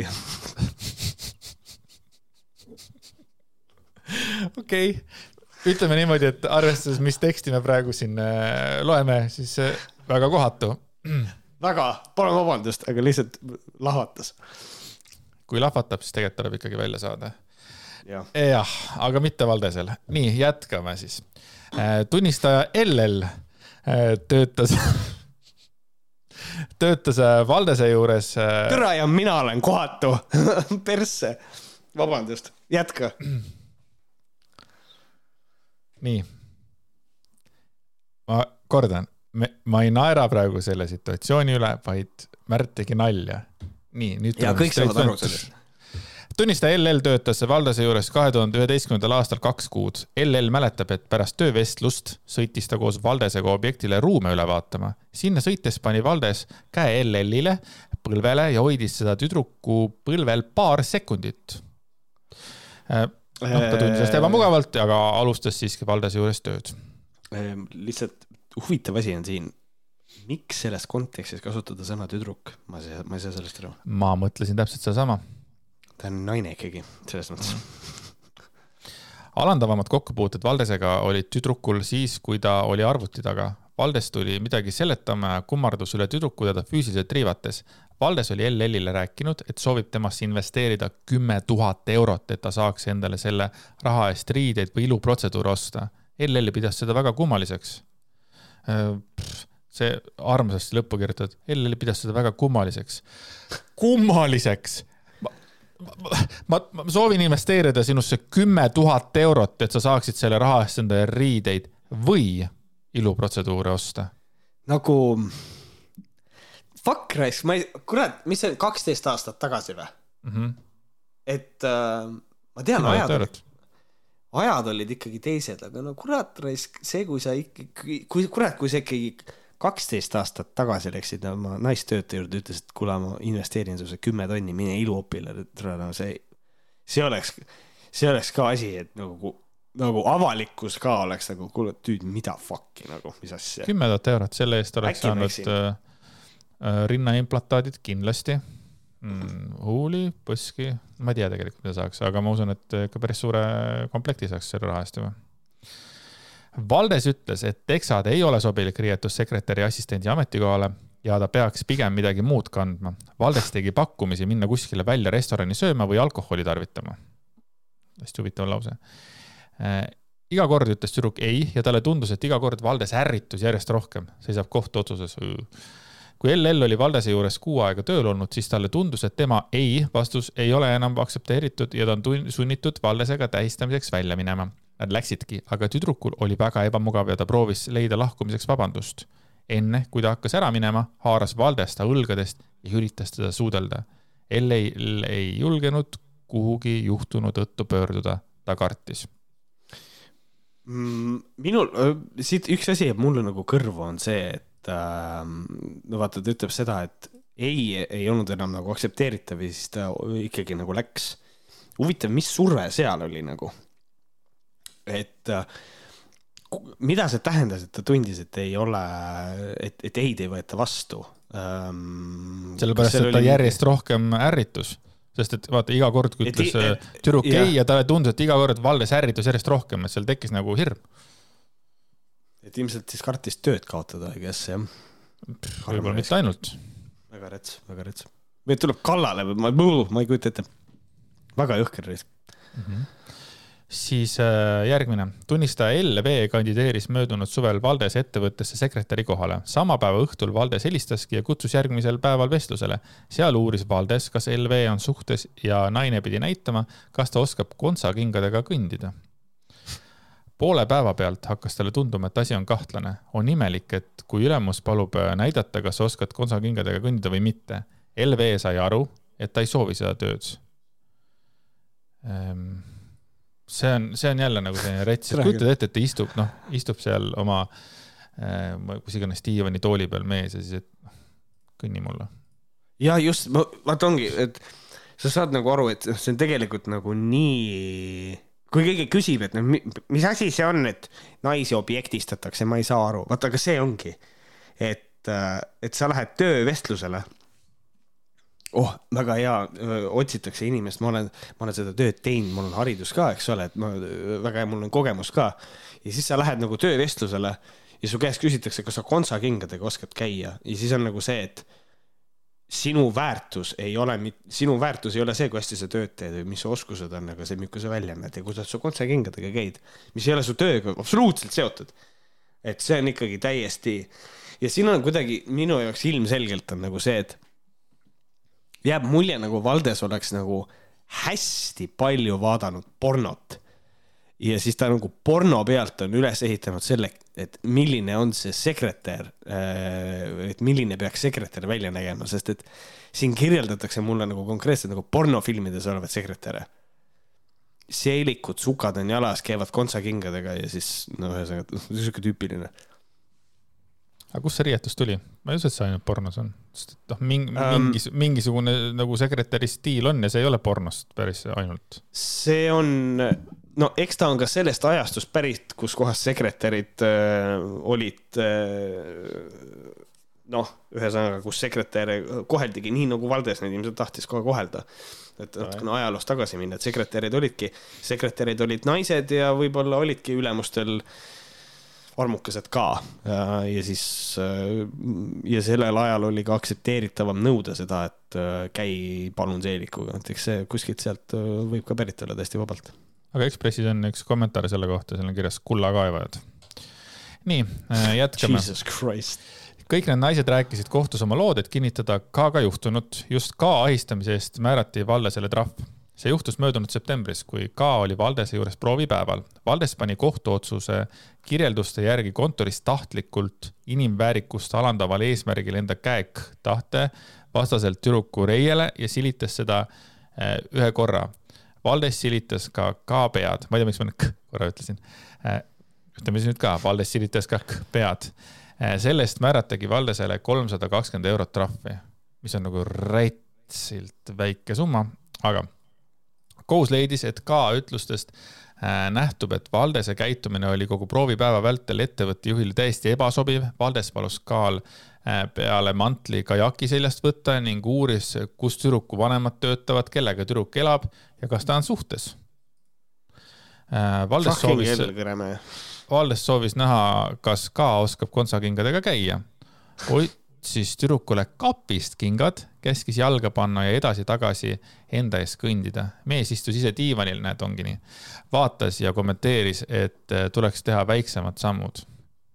Ot-, otsis tüdrukule kapist kingad nice.. kurat, mul on nagu, vaata, kui seda nagu lugeda, siis mulle jääb nagu täpselt selline mulje, et tegelikult see on nagu see on nagu mingisugune nagu, nagu inimesel oleks esiteks fetiš, aga teiseks see on probleem. Nagu võib-olla noh, selles noh, probleem on, on seal rohkem, onju. aga see on tal nagu probleem, ehk siis ta kuidagi ei suuda ennast nagu vaos hoida, täpselt selline tunne. ja eriti kui teine inimene räägib täpselt sama juttu. kas ta kontsakengad ei oska, et tal on nagu mingisugune maniakaalne see, et peab olema sekretär täpselt selline, ta peab käima kontsakingadega, sammud peavad lühemad olema, noh, tal on kingad kapis valmis selle jaoks, tüüd nagu what is going on? päris hull mm.. kui K küsis abi ühe tabeli tegemisel, siis istus Valdes K kõrvale eraldi tooliga, pani talle käe reie piirkonda ehk siis ülespoole põlve ja silitas K reit vaikselt paar korda, siis tõusis püsti, silitas K pead paar korda ja ütles, küll sa õpid.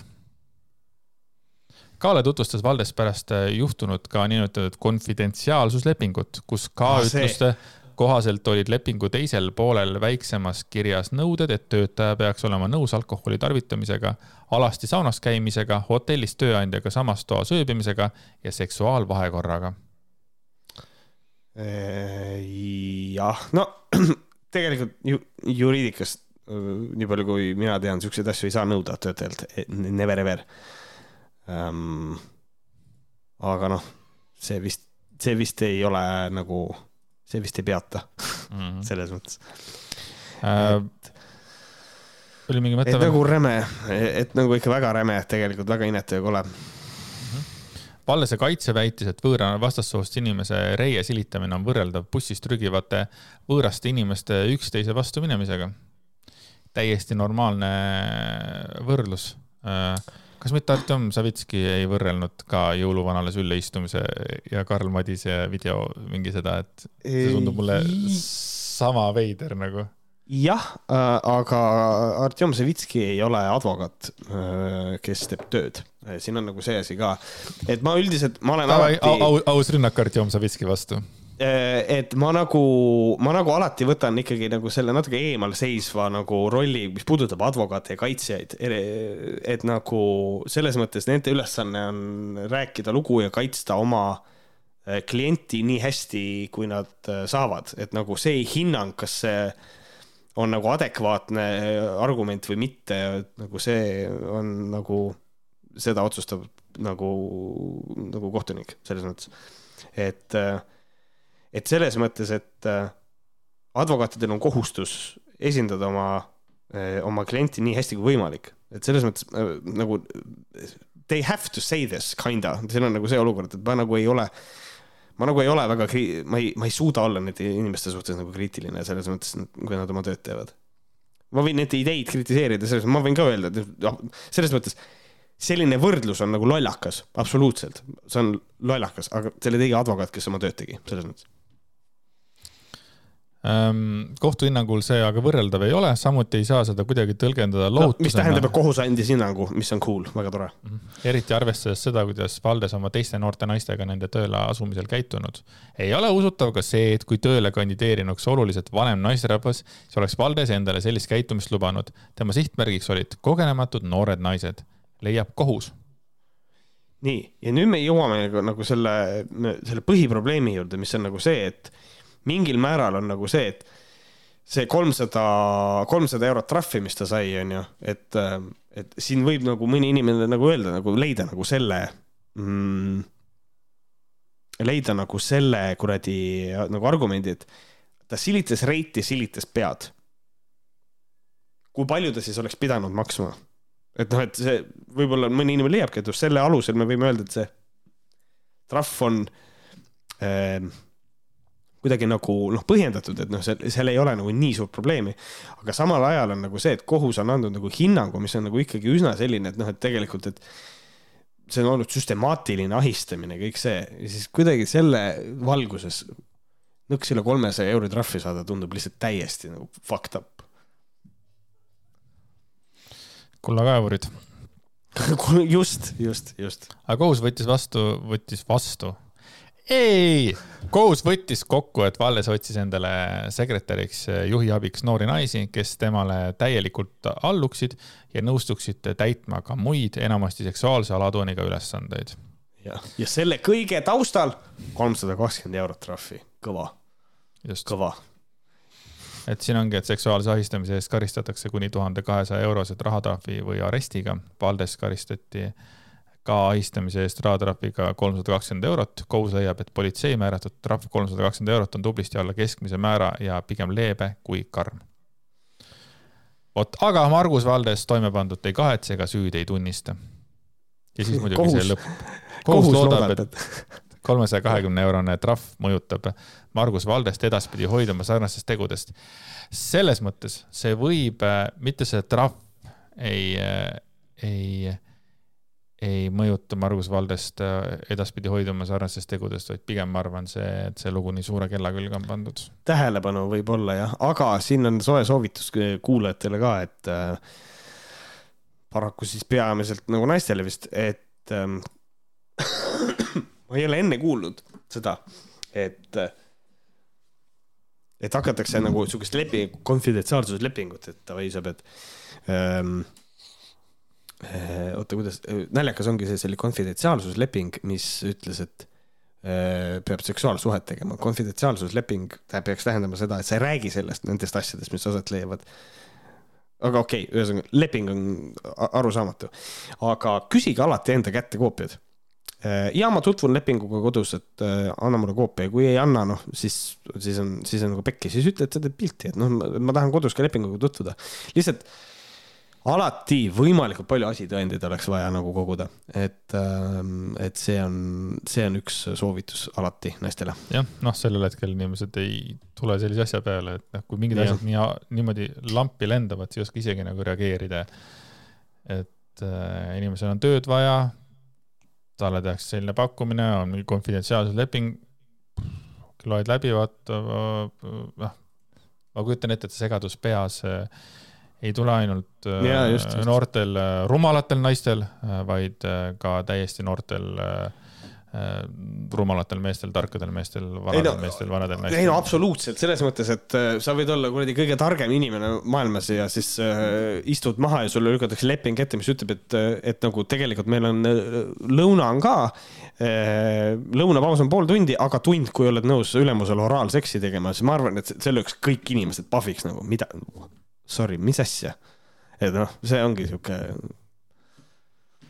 jah, et selles mõttes ma arvan, et sul on täiesti õigus ja, ja mis saaks paremini äh, haakuda selle teemaga, kui äh, Rahvameditsiini äh, teadmiste esiisade tarkuste nimeline grupp Facebookis, kus üks anonüümne liige oli kirjutanud oma probleemist ja probleem oli selline. jääkülmad, higistavad jalad, mis ometi aitaks ja Viktor Nõgene, kellel on asju, et ta teab, ähm, vastas, kas karva, kas karvad kasvavad varvaste peal, kui ei, siis on mürgid jalgadesse kogenenud, kogenenud. hiinlaste on hea spetspunktid, mis jalad ja käed soojaks teevad, kui verevarustus pole takistatud. et asju toimub asju toimub, äh, jalad on külmad, higistavad ja Viktor teab, kuidas sellega on kuidas sellega toime tulla? mürgid on jalgades, äh, jälle alati hea küsimus, mis mürgid, äh, mis on need raskemetallid, Andreas? jah, aga, aga siis jälle küsige, et mis rasked metallid, mida need siis teevad ja kõik need muud asjad, et, et see on mu lemmik asi on see, kui ütlevad mis iganes inimesed, kas siis suvalised kommentaatorid või soolapuhujad ja kõik need, et mürgid on, et kehad, kehast tulevad mürgid välja mm.. mis mürgid nii, aga äh, hüppame järgmisesse teemasse, räägime natukene siuksest saidist nagu valgustuba.ee, äh, kus siis ähm, on äh, siukene väikene tore, ähm, tore kirjatükk. meditatsioon aitab lastel paremini emotsioone juhtida ja neid teadlikuks saada. meditatsiooni lisamine lapse ellu ei pea olema keeruline, võib näiteks samamoodi kasutada Youtube'i lühikesi juhitud sessioone tehes sellest lõbusa interaktiivse kogemuse. aja jooksul, kui laps näeb endas positiivseid muutusi, võtab ta selle tegevuse loomulikult omaks ja see tuleb justkui iseenesest. kuidas sinul meditatsioon, kuidas sinul meditatsiooniga oli, kas ma mäletan õigesti, et sa oled proovinud meditatsiooni ja sa ei saanud sellega hakkama? jah. olid see sina, eks ole, ei olnud mingisugune muu Märt Koik? ei, see olin mina, jah mingil ajal ma nagu proovisin seda, sest ma olen aru saanud seda, et meditatsioon nagu selles mõttes on nagu thing äh,, nagu et see ei ole nagu medit-, tähendab selles mõttes, et ta on väga palju seotud igasuguse huundusega, sellepärast et äh, ta on sihuke mindful shit ja kõik see. aga ma olen aru saanud, et nagu ikkagi meditatsiooni nagu kasutatakse ja nagu tal on mingisugused äh, on nagu näha mingisuguseid efekte ja asju äh,. aga jah, ma ei suutnud sellega hakkama saada, jah suure tõenäosusega lapsena sa ei oleks sellega kuidagi paremini hakkama saanud, eks ole. jah, just seda enam hästi aktiivne ajutöö ja kõik see, ma ei kujuta ette mm. -hmm. aga äh, palun jätka, Märt, mis tegelikult valgustuba äh, üritab öelda? üks võimalus, kuidas tegevus lapse jaoks põnevaks teha, on kristallvoodi seanss. kristallvalguse seansi näol on tegu holistilise lähenemisega, mis ühendab kristalllampide õrna valguse, muusika ja värvid. kõik see loob lõõgastumiseks ja heaoluks suurepärase keskkonna. kõlab veits nagu mingi Joel Steinfeldi asi, mida ta teeb. lapsele ma ei ütle. rohkem absoluutselt mitte midagi, Andres. lapsele on põnev kogemus natuke aega vilkuvate tulede all lamada ja muusikat kuulata. sessioon kestab tavaliselt alguses viisteist, kakskümmend minutit, see on aeg, mille nad kenasti vastu peavad. huvitav, huvitav, mis muusika see siis peab olema? Et nagu, kas see ongi, et äh, vaatad vilkuvaid tulesid, mul juba sünnis saati tiigri süda sees. mina kujutasin hästi, et käib niimoodi, we are the robots. kuidagi see mulle kuidagi ja seda Äh, viisteist minutit näiteks. ja lastel on lõbus äh, olla kristallvoodis, sest et see on täpselt see asi, mida on vaja väikestele lastele. Või kuradi, ma ei tea, vaikselt tuled vilguvad, aga siis paned normaalselt, nii, paneme vaikselt muusikat ka ja siis tuleb mingisugune kuradi eriti rets, mingi extreme metal. Hands of doom are reaching out. ja siis on nagu jesus christ, ema, tule aita. aga viisteist, kakskümmend minti black metalit. ja siis on välja toodud, seanss ei ravi haiguseid no vot. Kuid- kurb, mis, kuid nii lapsed kui ka täiskasvanud on kogenud rahustavaid vibratsioone, mis aitavad lõõgastuda ja kogeda hiljem rahulikumat und ja magusamaid unenägusid. või tähendab, vabandust, siia on kirjutatud unenägusi, aga iga inimene, kes kirjutab unenägusi, mitte unenägusid, on äh, riigireetur. oma lapsega koos tulles on, ei, Märt. Nad ei mõtle seda niimoodi suure tõenäosusega. oma lapsega koos tulles annab see hea võimaluse ühiste hetkede loomiseks. Hiljem saab erinevaid emotsioone koos arutada, mis lapsel või endal tekkisid ja sealt võivad areneda väga huvitavad jutuajamised. üles võivad kerkida olulised teemad, mis muidu päevakorrale ei tuleks. kuid üks variant on teha ka tegelikult lapsega koos seeni või kanepit tõmmata ja siis ka parem pärast arutada, mis lapsel endal tekkisid muljed ja, ja sealt väga huvitavad jutuajamised võivad tekkida isegi sel ajal. Ja kui, aga tegelikult on niimoodi, et ükskõik mis uus tegevus lapsega annab äh,, annab alust äh, vestelda lapsega äh, teemadel, millest võib-olla enne ei oleks juttu olnud. ja mina mõtlesin ainult seente ja kanepi peale. jep. minu laps tegi alguses sessioone hea meelega, nüüd on see jäänud muude tegemiste varju, sest talle ei meeldinud apparently. pärast selle postituse kirjutamist ütlen, et meil on aeg jälle asi käsile võtta. muide, ühel seandi, ühel seansil tundis tütar tugevat kõditunnet kõhus, mille peale ta lakkamatult itsitas, ütles, et imelik tunne on. nii et see sant, nii et seanss võib ka lõbus olla. nüüd mul on küll tunne, et see Joel Steinfeldi äh, pann, mis sul ennem oli, ei olnud tegelikult laest võetud. aga mm, ühesõnaga, tegelikult nagu okei okay,, kui, kui sul on nagu see, et sa tahad lapsele tutvustada meditatsiooni ja et laps suudaks võib-olla selliste asjadega tegeleda, siis võib-olla siin on nagu see tõepõhi ikkagi natukene nagu midagi on jah, et okei okay,, loome talle mugava keskkonna ja kõik, aga see on kõik on kirjutatud siukses oh,. kristallvoodi.. kristallvoodi seanss ja kõik on see, et ei lihtsalt loo lapsele mugav keskkond. ei tea, aga kõik äh, tuleb rahaks teha ja tuleb välja mõelda kristall äh, voodiseansse ja igasuguseid asju, et äh, nii palju on veel avastamata asju, mida saab veel teha ja mille peale ei, me ei suudaks elu sees tulla.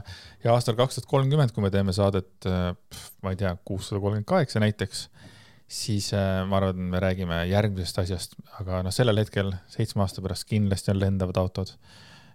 kindlasti on äh, sotsiaalkrediidisüsteem. Sotsiaalkrediidisüsteem ja see Andero Pebrese süsteem, vaata, kus sa mõtled ja siis takso tuleb või mingi, mingi Jah. teema oli tal seal kunagi ja ja mina ei ole ikka veel logopeedi juurde läinud, aga eh, kui rääkida logopeedidest, siis see ei ole absoluutselt seotud sellega, millest me praegu hakkame rääkima, sest et eh, alkeemia ei ole seotud logopeedidega ega äh, logopeediaga, mis on s- kindlasti sõna. aga Merkuur kas see on entsüklopeedia? ei, see on logopeedia.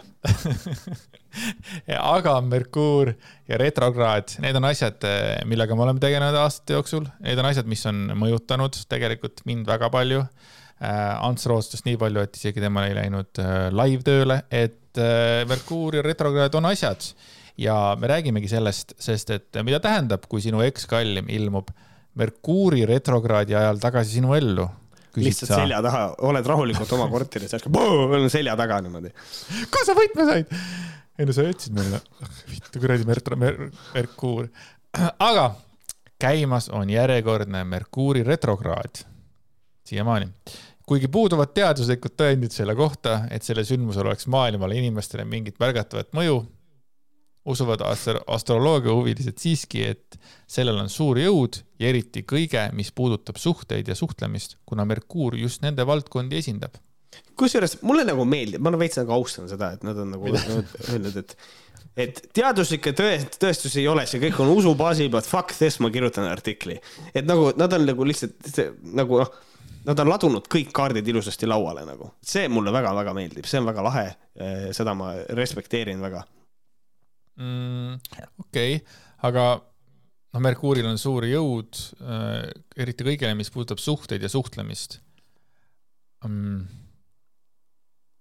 kuidas siis on, et nagu Merkuuril on, et kas siis, kui ta on retrokraadis või kui ta ei ole või, ja siis, kui ta ei ole retrokraadis, kas siis ei, ei ole suhetes nagu midagi, kas siis nagu suhteid ei toimu või? ja kui ta läheb retrokraadi, siis on suhted omadega tuksis? või, või lihtsalt? no tegelikult sest Merkuur ähm, esindab ju neid valdkondi. Merkuur esindab äh, tõesti suhteid ja suhtlemist, aga nüüd on fun fact, lihtsalt võta korra järgmine lause ka, siis sa saad kohe targemaks.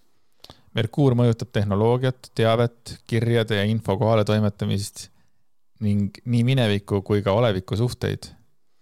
no vot, et ühesõnaga tehnoloogiat ka ei see, seda me teame ja seda ütles ka Ants tegelikult, seda me teadsime varem, me küll naersime selle üle, et joh, joo, muidugi Merkuur on, on äh, süüdi selles, et sa ei oska vajutada äh, mingit nuppu. ma ei tea isegi, mis nuppu, sest et ma ei tea midagi ja minul on kogu aeg Merkuur retrokraadis.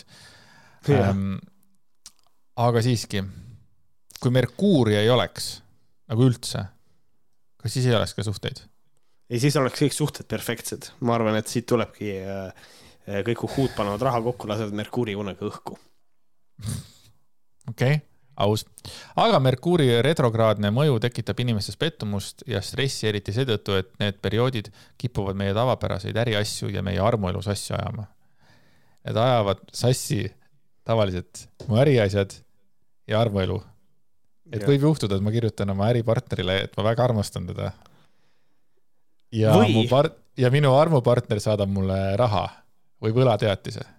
tere, see on nii, see on nii inetu, aga tead, kipuvad äriasju ja armuelu sassi ajama. kas võib võimalik olla, et Valdesel oligi nagu see häda või? lihtsalt tal oli Merkuur totaalselt. tal oli kogu aeg oli Merkuur retrokraadis. et okay. äh, tervist, et me otsime siin äh,, otsime siin sekretäri, et kas sa oled suhtes?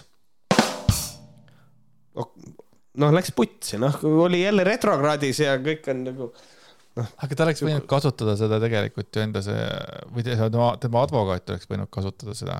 ta ütleb, et no selles mõttes, et, et Merkuur oli retrokraadis ja siis kohus ütleb, et no ja mis siis ja siis tema ütleb, noh, sellepärast, et kui Merkuur on retrokraadis ja suhteid ja ja tekitab inimeste äriasju. ma tahaks näha, et, et ma tahaks näha, ma tahaks kunagi mingist artiklist lugeda, et tema kaitsja kasutas argumendina ja siis tuleb see jutt, siis on nagu jesus fucking christ, mis asja. aga oleks, oleks see kuskil Ameerikas, vaata, kus on need jur-, jury'd, vaata, kus tavainimesed mm -hmm. seal hängivad, vaata, siis vaatad ära, ahaa, need on sellised tegelased seal. võib-olla tead mõnda isegi näost. aa, näed, see on Ants Rootslane ja siis teed, mängid selle nagu kohe ümber näiteks ja teedki retrokraadi juttu Ants Rootsen on nii hea vend, et räägib pärast kõik need ülejäänud žürii ära ja tegelikult see on nagu võimalus, sest Eesti on nii väike, et sa tunned nagunii kõiki uhhuusid ja siis sa tead, kuidas seda mängida. noh, see on variant, aga meil ei toimu. see on tegelikult, see, see, see vist on ka see põhjus, miks meil vist seda vandenõukohtusüsteemi ei ole. meid on nii vähe, jah meid on nii vähe, et noh, vot vandekohtus on nagu see, et äh, vandekohtunikud ei tohi tunda protsessis osalejaid Nad noh, täiesti nagu, nii kui neil mingi side on, siis on kohe nii, me vajame uut inimest, see ei sobi siia. jah, et äh, Facebookis, kui tihti sa leiad endale inimese, kes lisab sind sõbraks või lisad sina teda sõbraks ja teil ei ole ühtegi tuttavat? jah, just. Neid on, aga neid on väga vähe. igatahes äh, Facebookist liigume tagasi retrokraadi juurde, sest retrokraadne energia ei soosi uute ettevõtmiste ega suhete alustamist, vaid suunab tähelepanu pigem minevikule ja retrograadsel Merkuuril näib olevat lausa staatus, saatuslik mõju äh, suhetele. mõnikord äh, võib see transiit äh, tuua kokku inimesi, kes on kohtuma mõeldud, mõnikord lõpetab see suhteid, mis on mõeldud lõppema. kui see nii on, siis tea, et see kogemus oli mõeldudki vaid õpp- lõppe, õppetunniks, tähendab, ma läksin täiesti selles mõttes praegu, hakkasin kokutama, sest et mõnikord see lõpetabki suhteid, mis on mõeldud lõppema, et siis tegelikult võib-olla sellel retrokraadil ei olegi nii suurt mõju. mind lihtsalt häiris see sõna transiit siin, ma mõtlesin, et miks sa nagu seda sõna kasutad. aga mulle meeldib nagu see mõte ka, et, et noh, nagu eelmise lõigu, eelmises lõigus oli ka, et, et see mõjutab mineviku ja oleviku suhteid. nagu, et ühesõnaga, kui Merkuur on retrokraadis, siis minu kuna, ütleme, ma ei tea, minu ekskallim, mul tegelikult ei olnud temaga suhet või? tuleb välja. Kas ta, kuidas, kuidas see nagu, mida see tähendab? püüa, püüa see uuesti, mul ei jõudnud mõte kohale. Et- see mõjutab mineviku ja oleviku suhteid nii, Nii. kuidas sul ei olnud sinu ekskallimaga suhet, sest et ta mõjutab, ei no jaa, aga ta mõjutab seda, et aa, nagu tagantjärgi või? jah, tagantjärgi, et nagu what is it, fucking time travel, mis nagu toimub, makes no sense to me. nagu kuidas ta saab mine-, ja, aga sul tuleb uskuda, sul tuleb lihtsalt uskuda Tead, Merkuuri ret-, retrograadsesse äh, kohta, sest Merkuur on Petrogradis.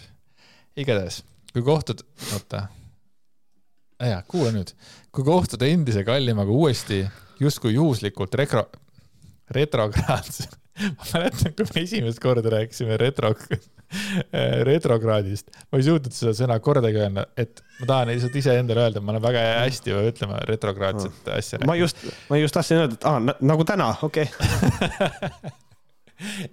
ma olen täna eksinud ainult korra, kaks või kolm selle sõna suhtes. igatahes, kui kohtud oma endise kaljaga uuesti justkui juhuslikult retrokraadse Merkuuri ajal, siis tea, et see ei ole mitte niisama kohtumine. Kindlasti ei tasuks mõelda, et sellel on midagi pistmist sellega, et teil jäi omavahel midagi kogemata, ütlemata või tegemata. kindlasti ei tohi mõelda. see ei ole seotud sinu eksiga, vaid ainult sinuga. ükskõik, kas kohtud oma eksiga juhuslikult puts, aga ta on seal ju, nagu mis asja, nagu ma ei, Ei, saa ongi- aru. ma mõtlengi, kui kaks inimest kohtuvad, siis mõlemad arvavad, et teine või te, tema on nagu süüdi, vaata, mitte tema eks. Kui sa kohtud juhuslikult retrokraadse Merkuuri on oma eksiga Petrogradis, siis see ei ole tegelikult sellepärast, et teil on midagi lõpetamata, asi on hoopis sinus, muide. noh, nagu fuck off. see on mingi See- mõmine räpp raisk. kuradi, sorry, ma lihtsalt, ma kaotasin mõistuse, see on lihtsalt, see on lihtsalt absurd, nagu absoluutne ja täielik kuradi mõmine räpp ja kui sa kohtusid Merkuuri, nagu lõpetage ära ükskõik, kas kohtud oma eksiga juhuslikult poes või saadab ta sulle üle pika aja sõnumi, et uurida, kuidas sul läheb. ole tähele, ole tähelepanelik. pane tähele. pane tähele, Merkuuri retrokraadne aeg on sisemise vaimse kasvu aeg, mitte tagasilangemise aeg halbadesse harjumustesse või mineviku suhetesse. see on minevikus tarkuse ammutamise aeg, et saaksime elada tasakaalukamas olevikus ja tulevikus. Võta seda kontakti kui märki sellest, et tunnetada, mida sa sellest lõppenud suhtest õppisid. märka, kas sa oled sellest mustrist, mis sind ei teeni lõplikult välja astunud ning enda jaoks armastuse alase õppetunni omandanud. võib ka juhtuda, et tunned tugevat soovi oma eksiga uuesti suhe luua. see võib ka õnnestuda, kuid siis, kui planeet taas end õigetpidi pöörab, lõpeb ka suhe. ja nüüd tuleb viimased kaks lauset. Retrokraadse Merkuuri ajal pole eriti soovitav ka uut suhet alustada. sel ajal alanud suhted ei tööta sageli pikemas perspektiivis või tunned alati, et midagi on justkui puudu või valesti. perses. ohohoo, aga kui ma nüüd küsiksin su käest, et Märt, kui sa paned silmad kinni, siis äh, räägi mulle täpsemalt, mis, mis selles artiklis juhtus? kui kohal sa olid? ära palun vaata. See artikkel rääkis sellest ähm,, kuidas autor tegelikult tahaks räigelt vist oma eksiga ikkagi uuesti koos olla, aga ta kardab, et nad lähevad uuesti lahku ja siis ta üritas seda kuidagi seostada mingisuguste kuradi Merkuuride ja Petrogradis oleva retrokraadiga. täpselt selline vibe Nii on. ähm,. aga tead, usalda ja võib-olla ongi, noh, see on siuke fucking hämaputsi nagu sorry, nagu lihtsalt, et noh, tegelikult võib ka uuesti suhte luua ja see võib-olla tuleb välja ka, aga kui planeet pöörab ennast teistpidi, siis lähete uuesti lahku, selge, aitäh. nagu, et ühesõnaga tee, mis tahad, sihuke pikk artikkel, aga siin on mingi noh, that's what it, that's what that was. mm. -hmm. ei, ikka, ikka on vaja tegelikult vahepeal üle lasta äh, silmadega ja suuga retrokraadne Merkuur. aitäh, alkeemia muidugi., aitäh, alkeemia meid aitamast alati. nii, ja nüüd on aeg äh, teha reklaami ka, sellepärast Ikka. et äh, ikkagi raha on vaja teenida ja tegelikult Võhkerid ongi selle jaoks, et äh, teha reklaami mõnedele noh, kuidas me nimetame, seminarid, huiiminerid, igasugused siuksed asjad. et ähm, on siis toimumas äh, Kaidi Karilaid Power and Potency äh, on siis Facebooki hüperlingis vähemalt tema, tema nimi. ja siis on niisugune lahe asi nagu viieosaline Zoom väljakutse. ma olen väärikas, ma olen raha. siis kui ma esimest korda nägin seda, ma kohe alguses lugesin nagu minu, mina lugesin niimoodi, ma olen väärakas, ma olen raha. ma ei tea, ma, miks. see ka on? välja, see on, ei, see on, ma olen käinud sellel seminaril. ma olen väärakas, ma olen raha. ja kumb sa siis nagu rohkem oled? raha ei ole väga palju. see ongi see, et ma, nüüd alguses sa olid väärakas ja sul oli raha peale seminari. ma olen väärakas, mul ei ole enam raha. ei, meil oli jah, me läksime uksest sisse, üks mees seisis, inimene tuli, seisis ette, siis ta ütles, kas raha või väärakas ja siis läksime koju. vanasti oli see asi, vaata, vaata see, kas raha või elu. ja, ja. nii, tule siia. raha või väärakas väärakas, väärakas. nii, aga kõik kuulajad, teate, te veel jõuate, sellepärast et eh, seitsmes, kaheteistkümnes, kaheksateistkümnes, kahekümne viies, kahekümne üheksas september kell kakskümmend null null kuni kakskümmend üks kolmkümmend. salvestused saab kaasa muidu. ma mõtlesin, et salvestused tuleb kaasa võtta. Ma ihkan näha eneseväes õnnelikke, õilsaid, väärikaid ja rikkaid inimesi, seepärast valin ise avardada kõike, mis loob mu võimekuse avardumist ja avaldumist iga päev, iga sekund endale ma ihkan näha ennast nautivaid inimesi, seepärast valin ennast nautiva ja enesele eh, ja enesele anda, mis on tarvis, et ma enam iseendana maailma ilmuksin iga päev, iga sekund endale. huvitav küll, kui palju on vaja juua, et saavutada see staadium. Eriti võttes arvesse, et tegu on nagu reklaamiga, et siis sa kirjutad, et olen väärakas, olen raha, kirjutad kuupäevad ja, siis- ja siis hakkad kirjutama lihtsalt, mida sa ihkad ei, aga selles mõttes nagu tekstina või selles mõttes nagu mingi luuletusena see ei oleks nagu, ei oleks see nagu veider. aga ma nagu selles näha kont-, enda väes õnnelikke, õilsad ja väärikad ja rikkad. see on see mõmine räpiga ikka väga kuidagi sina täna. see see on, kõik on mõmine räpp. Ma ihkan näha oma enese pärast säravaid inimesi, seepärast pühendun enese südamele ja hinge suurusele ja selle sära kasvatamisele iga päev, iga sekund endale. ma ihkan, ma ihkan näha inimesi, kes naudivad ennast väärtusena maailmale, seepärast ma naudin iseendana olemise kingitust ja avan iga päev uusi kingitusi enesele. kümusega, mis kingitus ma täna olla saan. iga päev, iga sekund endale. miks sellised väiksed taipod nagu nii toredad on? Sul tekkis nagu see kümusus või? ma ei tea, Andres, lihtsalt, lihtsalt nii on, vahest tekivad. on sul mul veel kümmuseid? on, on sul veel kümuseid või ma lähen selle artikliga edasi? mine artikliga, artikliga edasi. tere tulemast septembrikuu väljakutsesse Ma olen väärakas, vabandust, ma olen väärikas, ma olen raha. ja siis ta, siis siit tuleb tärnid, tähed, tähed, punktid, bullet point'id. su väärikus saab ilmuda, kui lubad, raha tahab sind. Sinu väärikus on valik ja julgus olla ehee, no või siis ehe. raha tahab ikka sind milline väärikus sa oled? kohtumised Zoomis kell kakskümmend null null viiel korral viiel on kirjutatud millegipärast viis sidekriips L, numbrid ühest kümneni kirjutage alati välja tä, nagu tähtedega, et nagu viiel. iga sinu äkki, valik äkki, suurendada. äkki tal oli ka see, et tal olid nagu need äh, tähed olid täis ja siis tal oli vaja hakata neid tähti vähemaks saama ja siis, siis ta läheb niimoodi, sest et noh, tunnistan ausalt, et olen isegi teinud, et kuna mul on liiga palju tähti, mul on vaja mingisugune tähemärgid on ette antud, siis vahepeal tuleb teha seda ähm vot siis on, oleks olnud variant see talk shit luuletuse eest ära kaotada, aga, aga davai. iga sinu Aust. valik suurendada enda väärikust suurendab su kerguse, rõõmu ja hiilguse taset ja rahavoogusid ja loob alati enamat kõikidele. Sinuks olemise kuningriik ksvab. naine ja mees minu sees. ta on svinger, I guess, ma ei tea uh,, have fun püha kuningliku perekonna ärkamine iseendas kaks tuhat kakskümmend kolm väljakutse raames septembri programm. see on nagu täiesti unhinged. järsku hakkas mingi kuningliku perekonna ärkamine. septembri programm ähm,. Türa, mis asja. seitsmes september, olen raha, Kaidi. kaheteistkümnes september, rahamees, külaline. kaheksateist null üheksa, raha naine, külaline kakskümmend viis null üheksa, kuum tool raha. kakskümmend üheksa null üheksa lahtilaskmise õhturaha. Ja siis on naine ja mees minu sees, I guess. osalustasu viiskümmend viis eurot, normaalhind sada kuuskümmend viis eurot, kus kohe, mis see, mis mõttes normaalhind? aga. ei no tuleb niimoodi teha, et äh, ikkagi tuleb panna, et praegu on ainult viiskümmend viis, tavaliselt on sada kuuskümmend viis. Never ei ole see sada kuuskümmend viis euri olnud jep, ja siis äh, kui teid huvitab info, et äh, kaidikarilaid.com, Regamese link on postituse kommentaarides. hashtag pleasure of embodiment ja hashtag naine ja mees minu sees oh.. nii. ma panin kinni. sa panid kinni, sa ei jaksa äh, Aleksis Varnumi intensiivset möla veel kuulata või?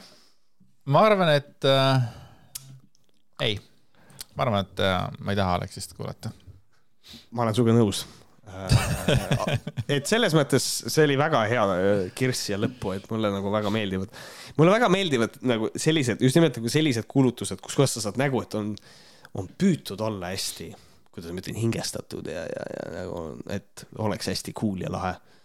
Äh, pannakse väike lulla raisk algusesse ja siis pannakse, nii, nüüd ma panen bullet point'id, aga mis sa bullet point idesse paned, pohhu, mida iganes.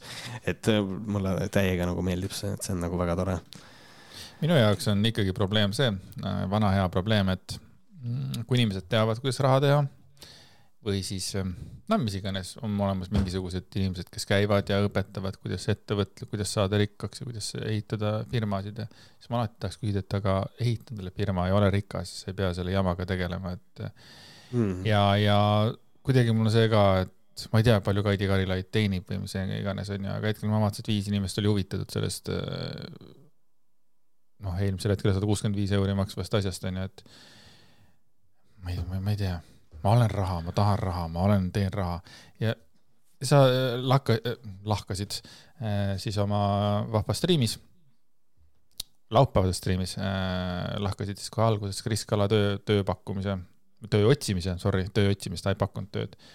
et mul oli ka nii palju küsimusi selles mõttes, et miks on vaja üldse tööd otsida, kui tema, kui, kui tegelikult see töö ei ole see, millega rikkaks saab, vaid sinu mõtte, mõttemustrid on need, mis tegelikult teevad sind rikkaks. kui sa lased lahti nendest äh, mustritest, et sa vihkad raha näiteks ja siis raha ju hakkab sinu juurde tulema. kurat, see raha ei tule, miks raha ei tule, miks on vaja nagu hakata otsima nagu niimoodi tööd, mis see, noh, ma saan aru, tööd otsida on okei okay,, sa oled olnud keegi, sa oled siiamaani tuntud nimi, sa otsid, see on okei okay,, asi ei olegi selles. aga see, kuidas sa jälle nagu vastukäiv on, et nagu see raha peaks ju ise tulema, kui su mindset on lahti, eks ole. rääkimata sellest, et nagu nii palju, kui ma tean, Krisil mingi hetk tegeles ju nende äh, podcast'i äh, stuudiote mingite asjadega ja,. jah, jah et noh, ta otsis veel igasuguseid inimesi juurde, kes nagu investeeriks sellesse ja nii edasi, jälle küsimus, et nagu miks sul on vaja nagu tööd, kui sul on olemas kõik need, kõik need asjad, millega sa tegeled, et ma ei tea, tekkis küsimusi palju, rääkimata sellest, et ta on ikkagi nagu seal väga kõrgel kohal, ta teenib äh, rõvedalt klotsi ja tegelikult äh, imeväikese nagu panusega siis nagu ajalise panusega. et küsimusi on rohkem, kui tegelikult on vastuseid selles kirjas, selles motivatsioonikirjas selles mõttes. jah, jah, põhimõtteliselt küll. aga, kallid kuulajad, on aeg otsad kokku tõmmata. aitäh, et olite Võhkaritega meie saates, mis kandis numbrit seitsekümmend üheksa. kohtume teiega varsti. ja kui tunnete, et kurat, vähe, tahaks veel millal järgmine saade on, ülejärgmine nädal, mis ma järgmine nädal teen? sa võid kuulata meie patroonhäälingut, mis järgmine nädal välja tuleb. ja sa võid Selleks... kuulata eelnevat kuuskümmend osa ka, nagu yeah. on hullu. Ma ei tea, mitu päeva sa saad kuulata neid, see on päris ja mitu. nagu patroonhäälingut ka eelnevaid ja tavasaateid, et igast variante on, aga meie Patreon tõepoolest, äh, patreon.com kaldkriips Vohkarid, viis eurot kuus ja saate, saate lisasaated mida me teeme siis, et siis sinu jaoks me teeme iga nädal saate, mõtle vaid. just, ainult sinu jaoks. ainult sinu jaoks. Andreas, kas sul on lõppu ka mõni päevamõte? mul on anekdoot lõppu oh. -oh. üks äh, muna siis ütleb teisele munale, et äh, ärme selle pikaga räägi, ta. aitäh teile. tšau. tšau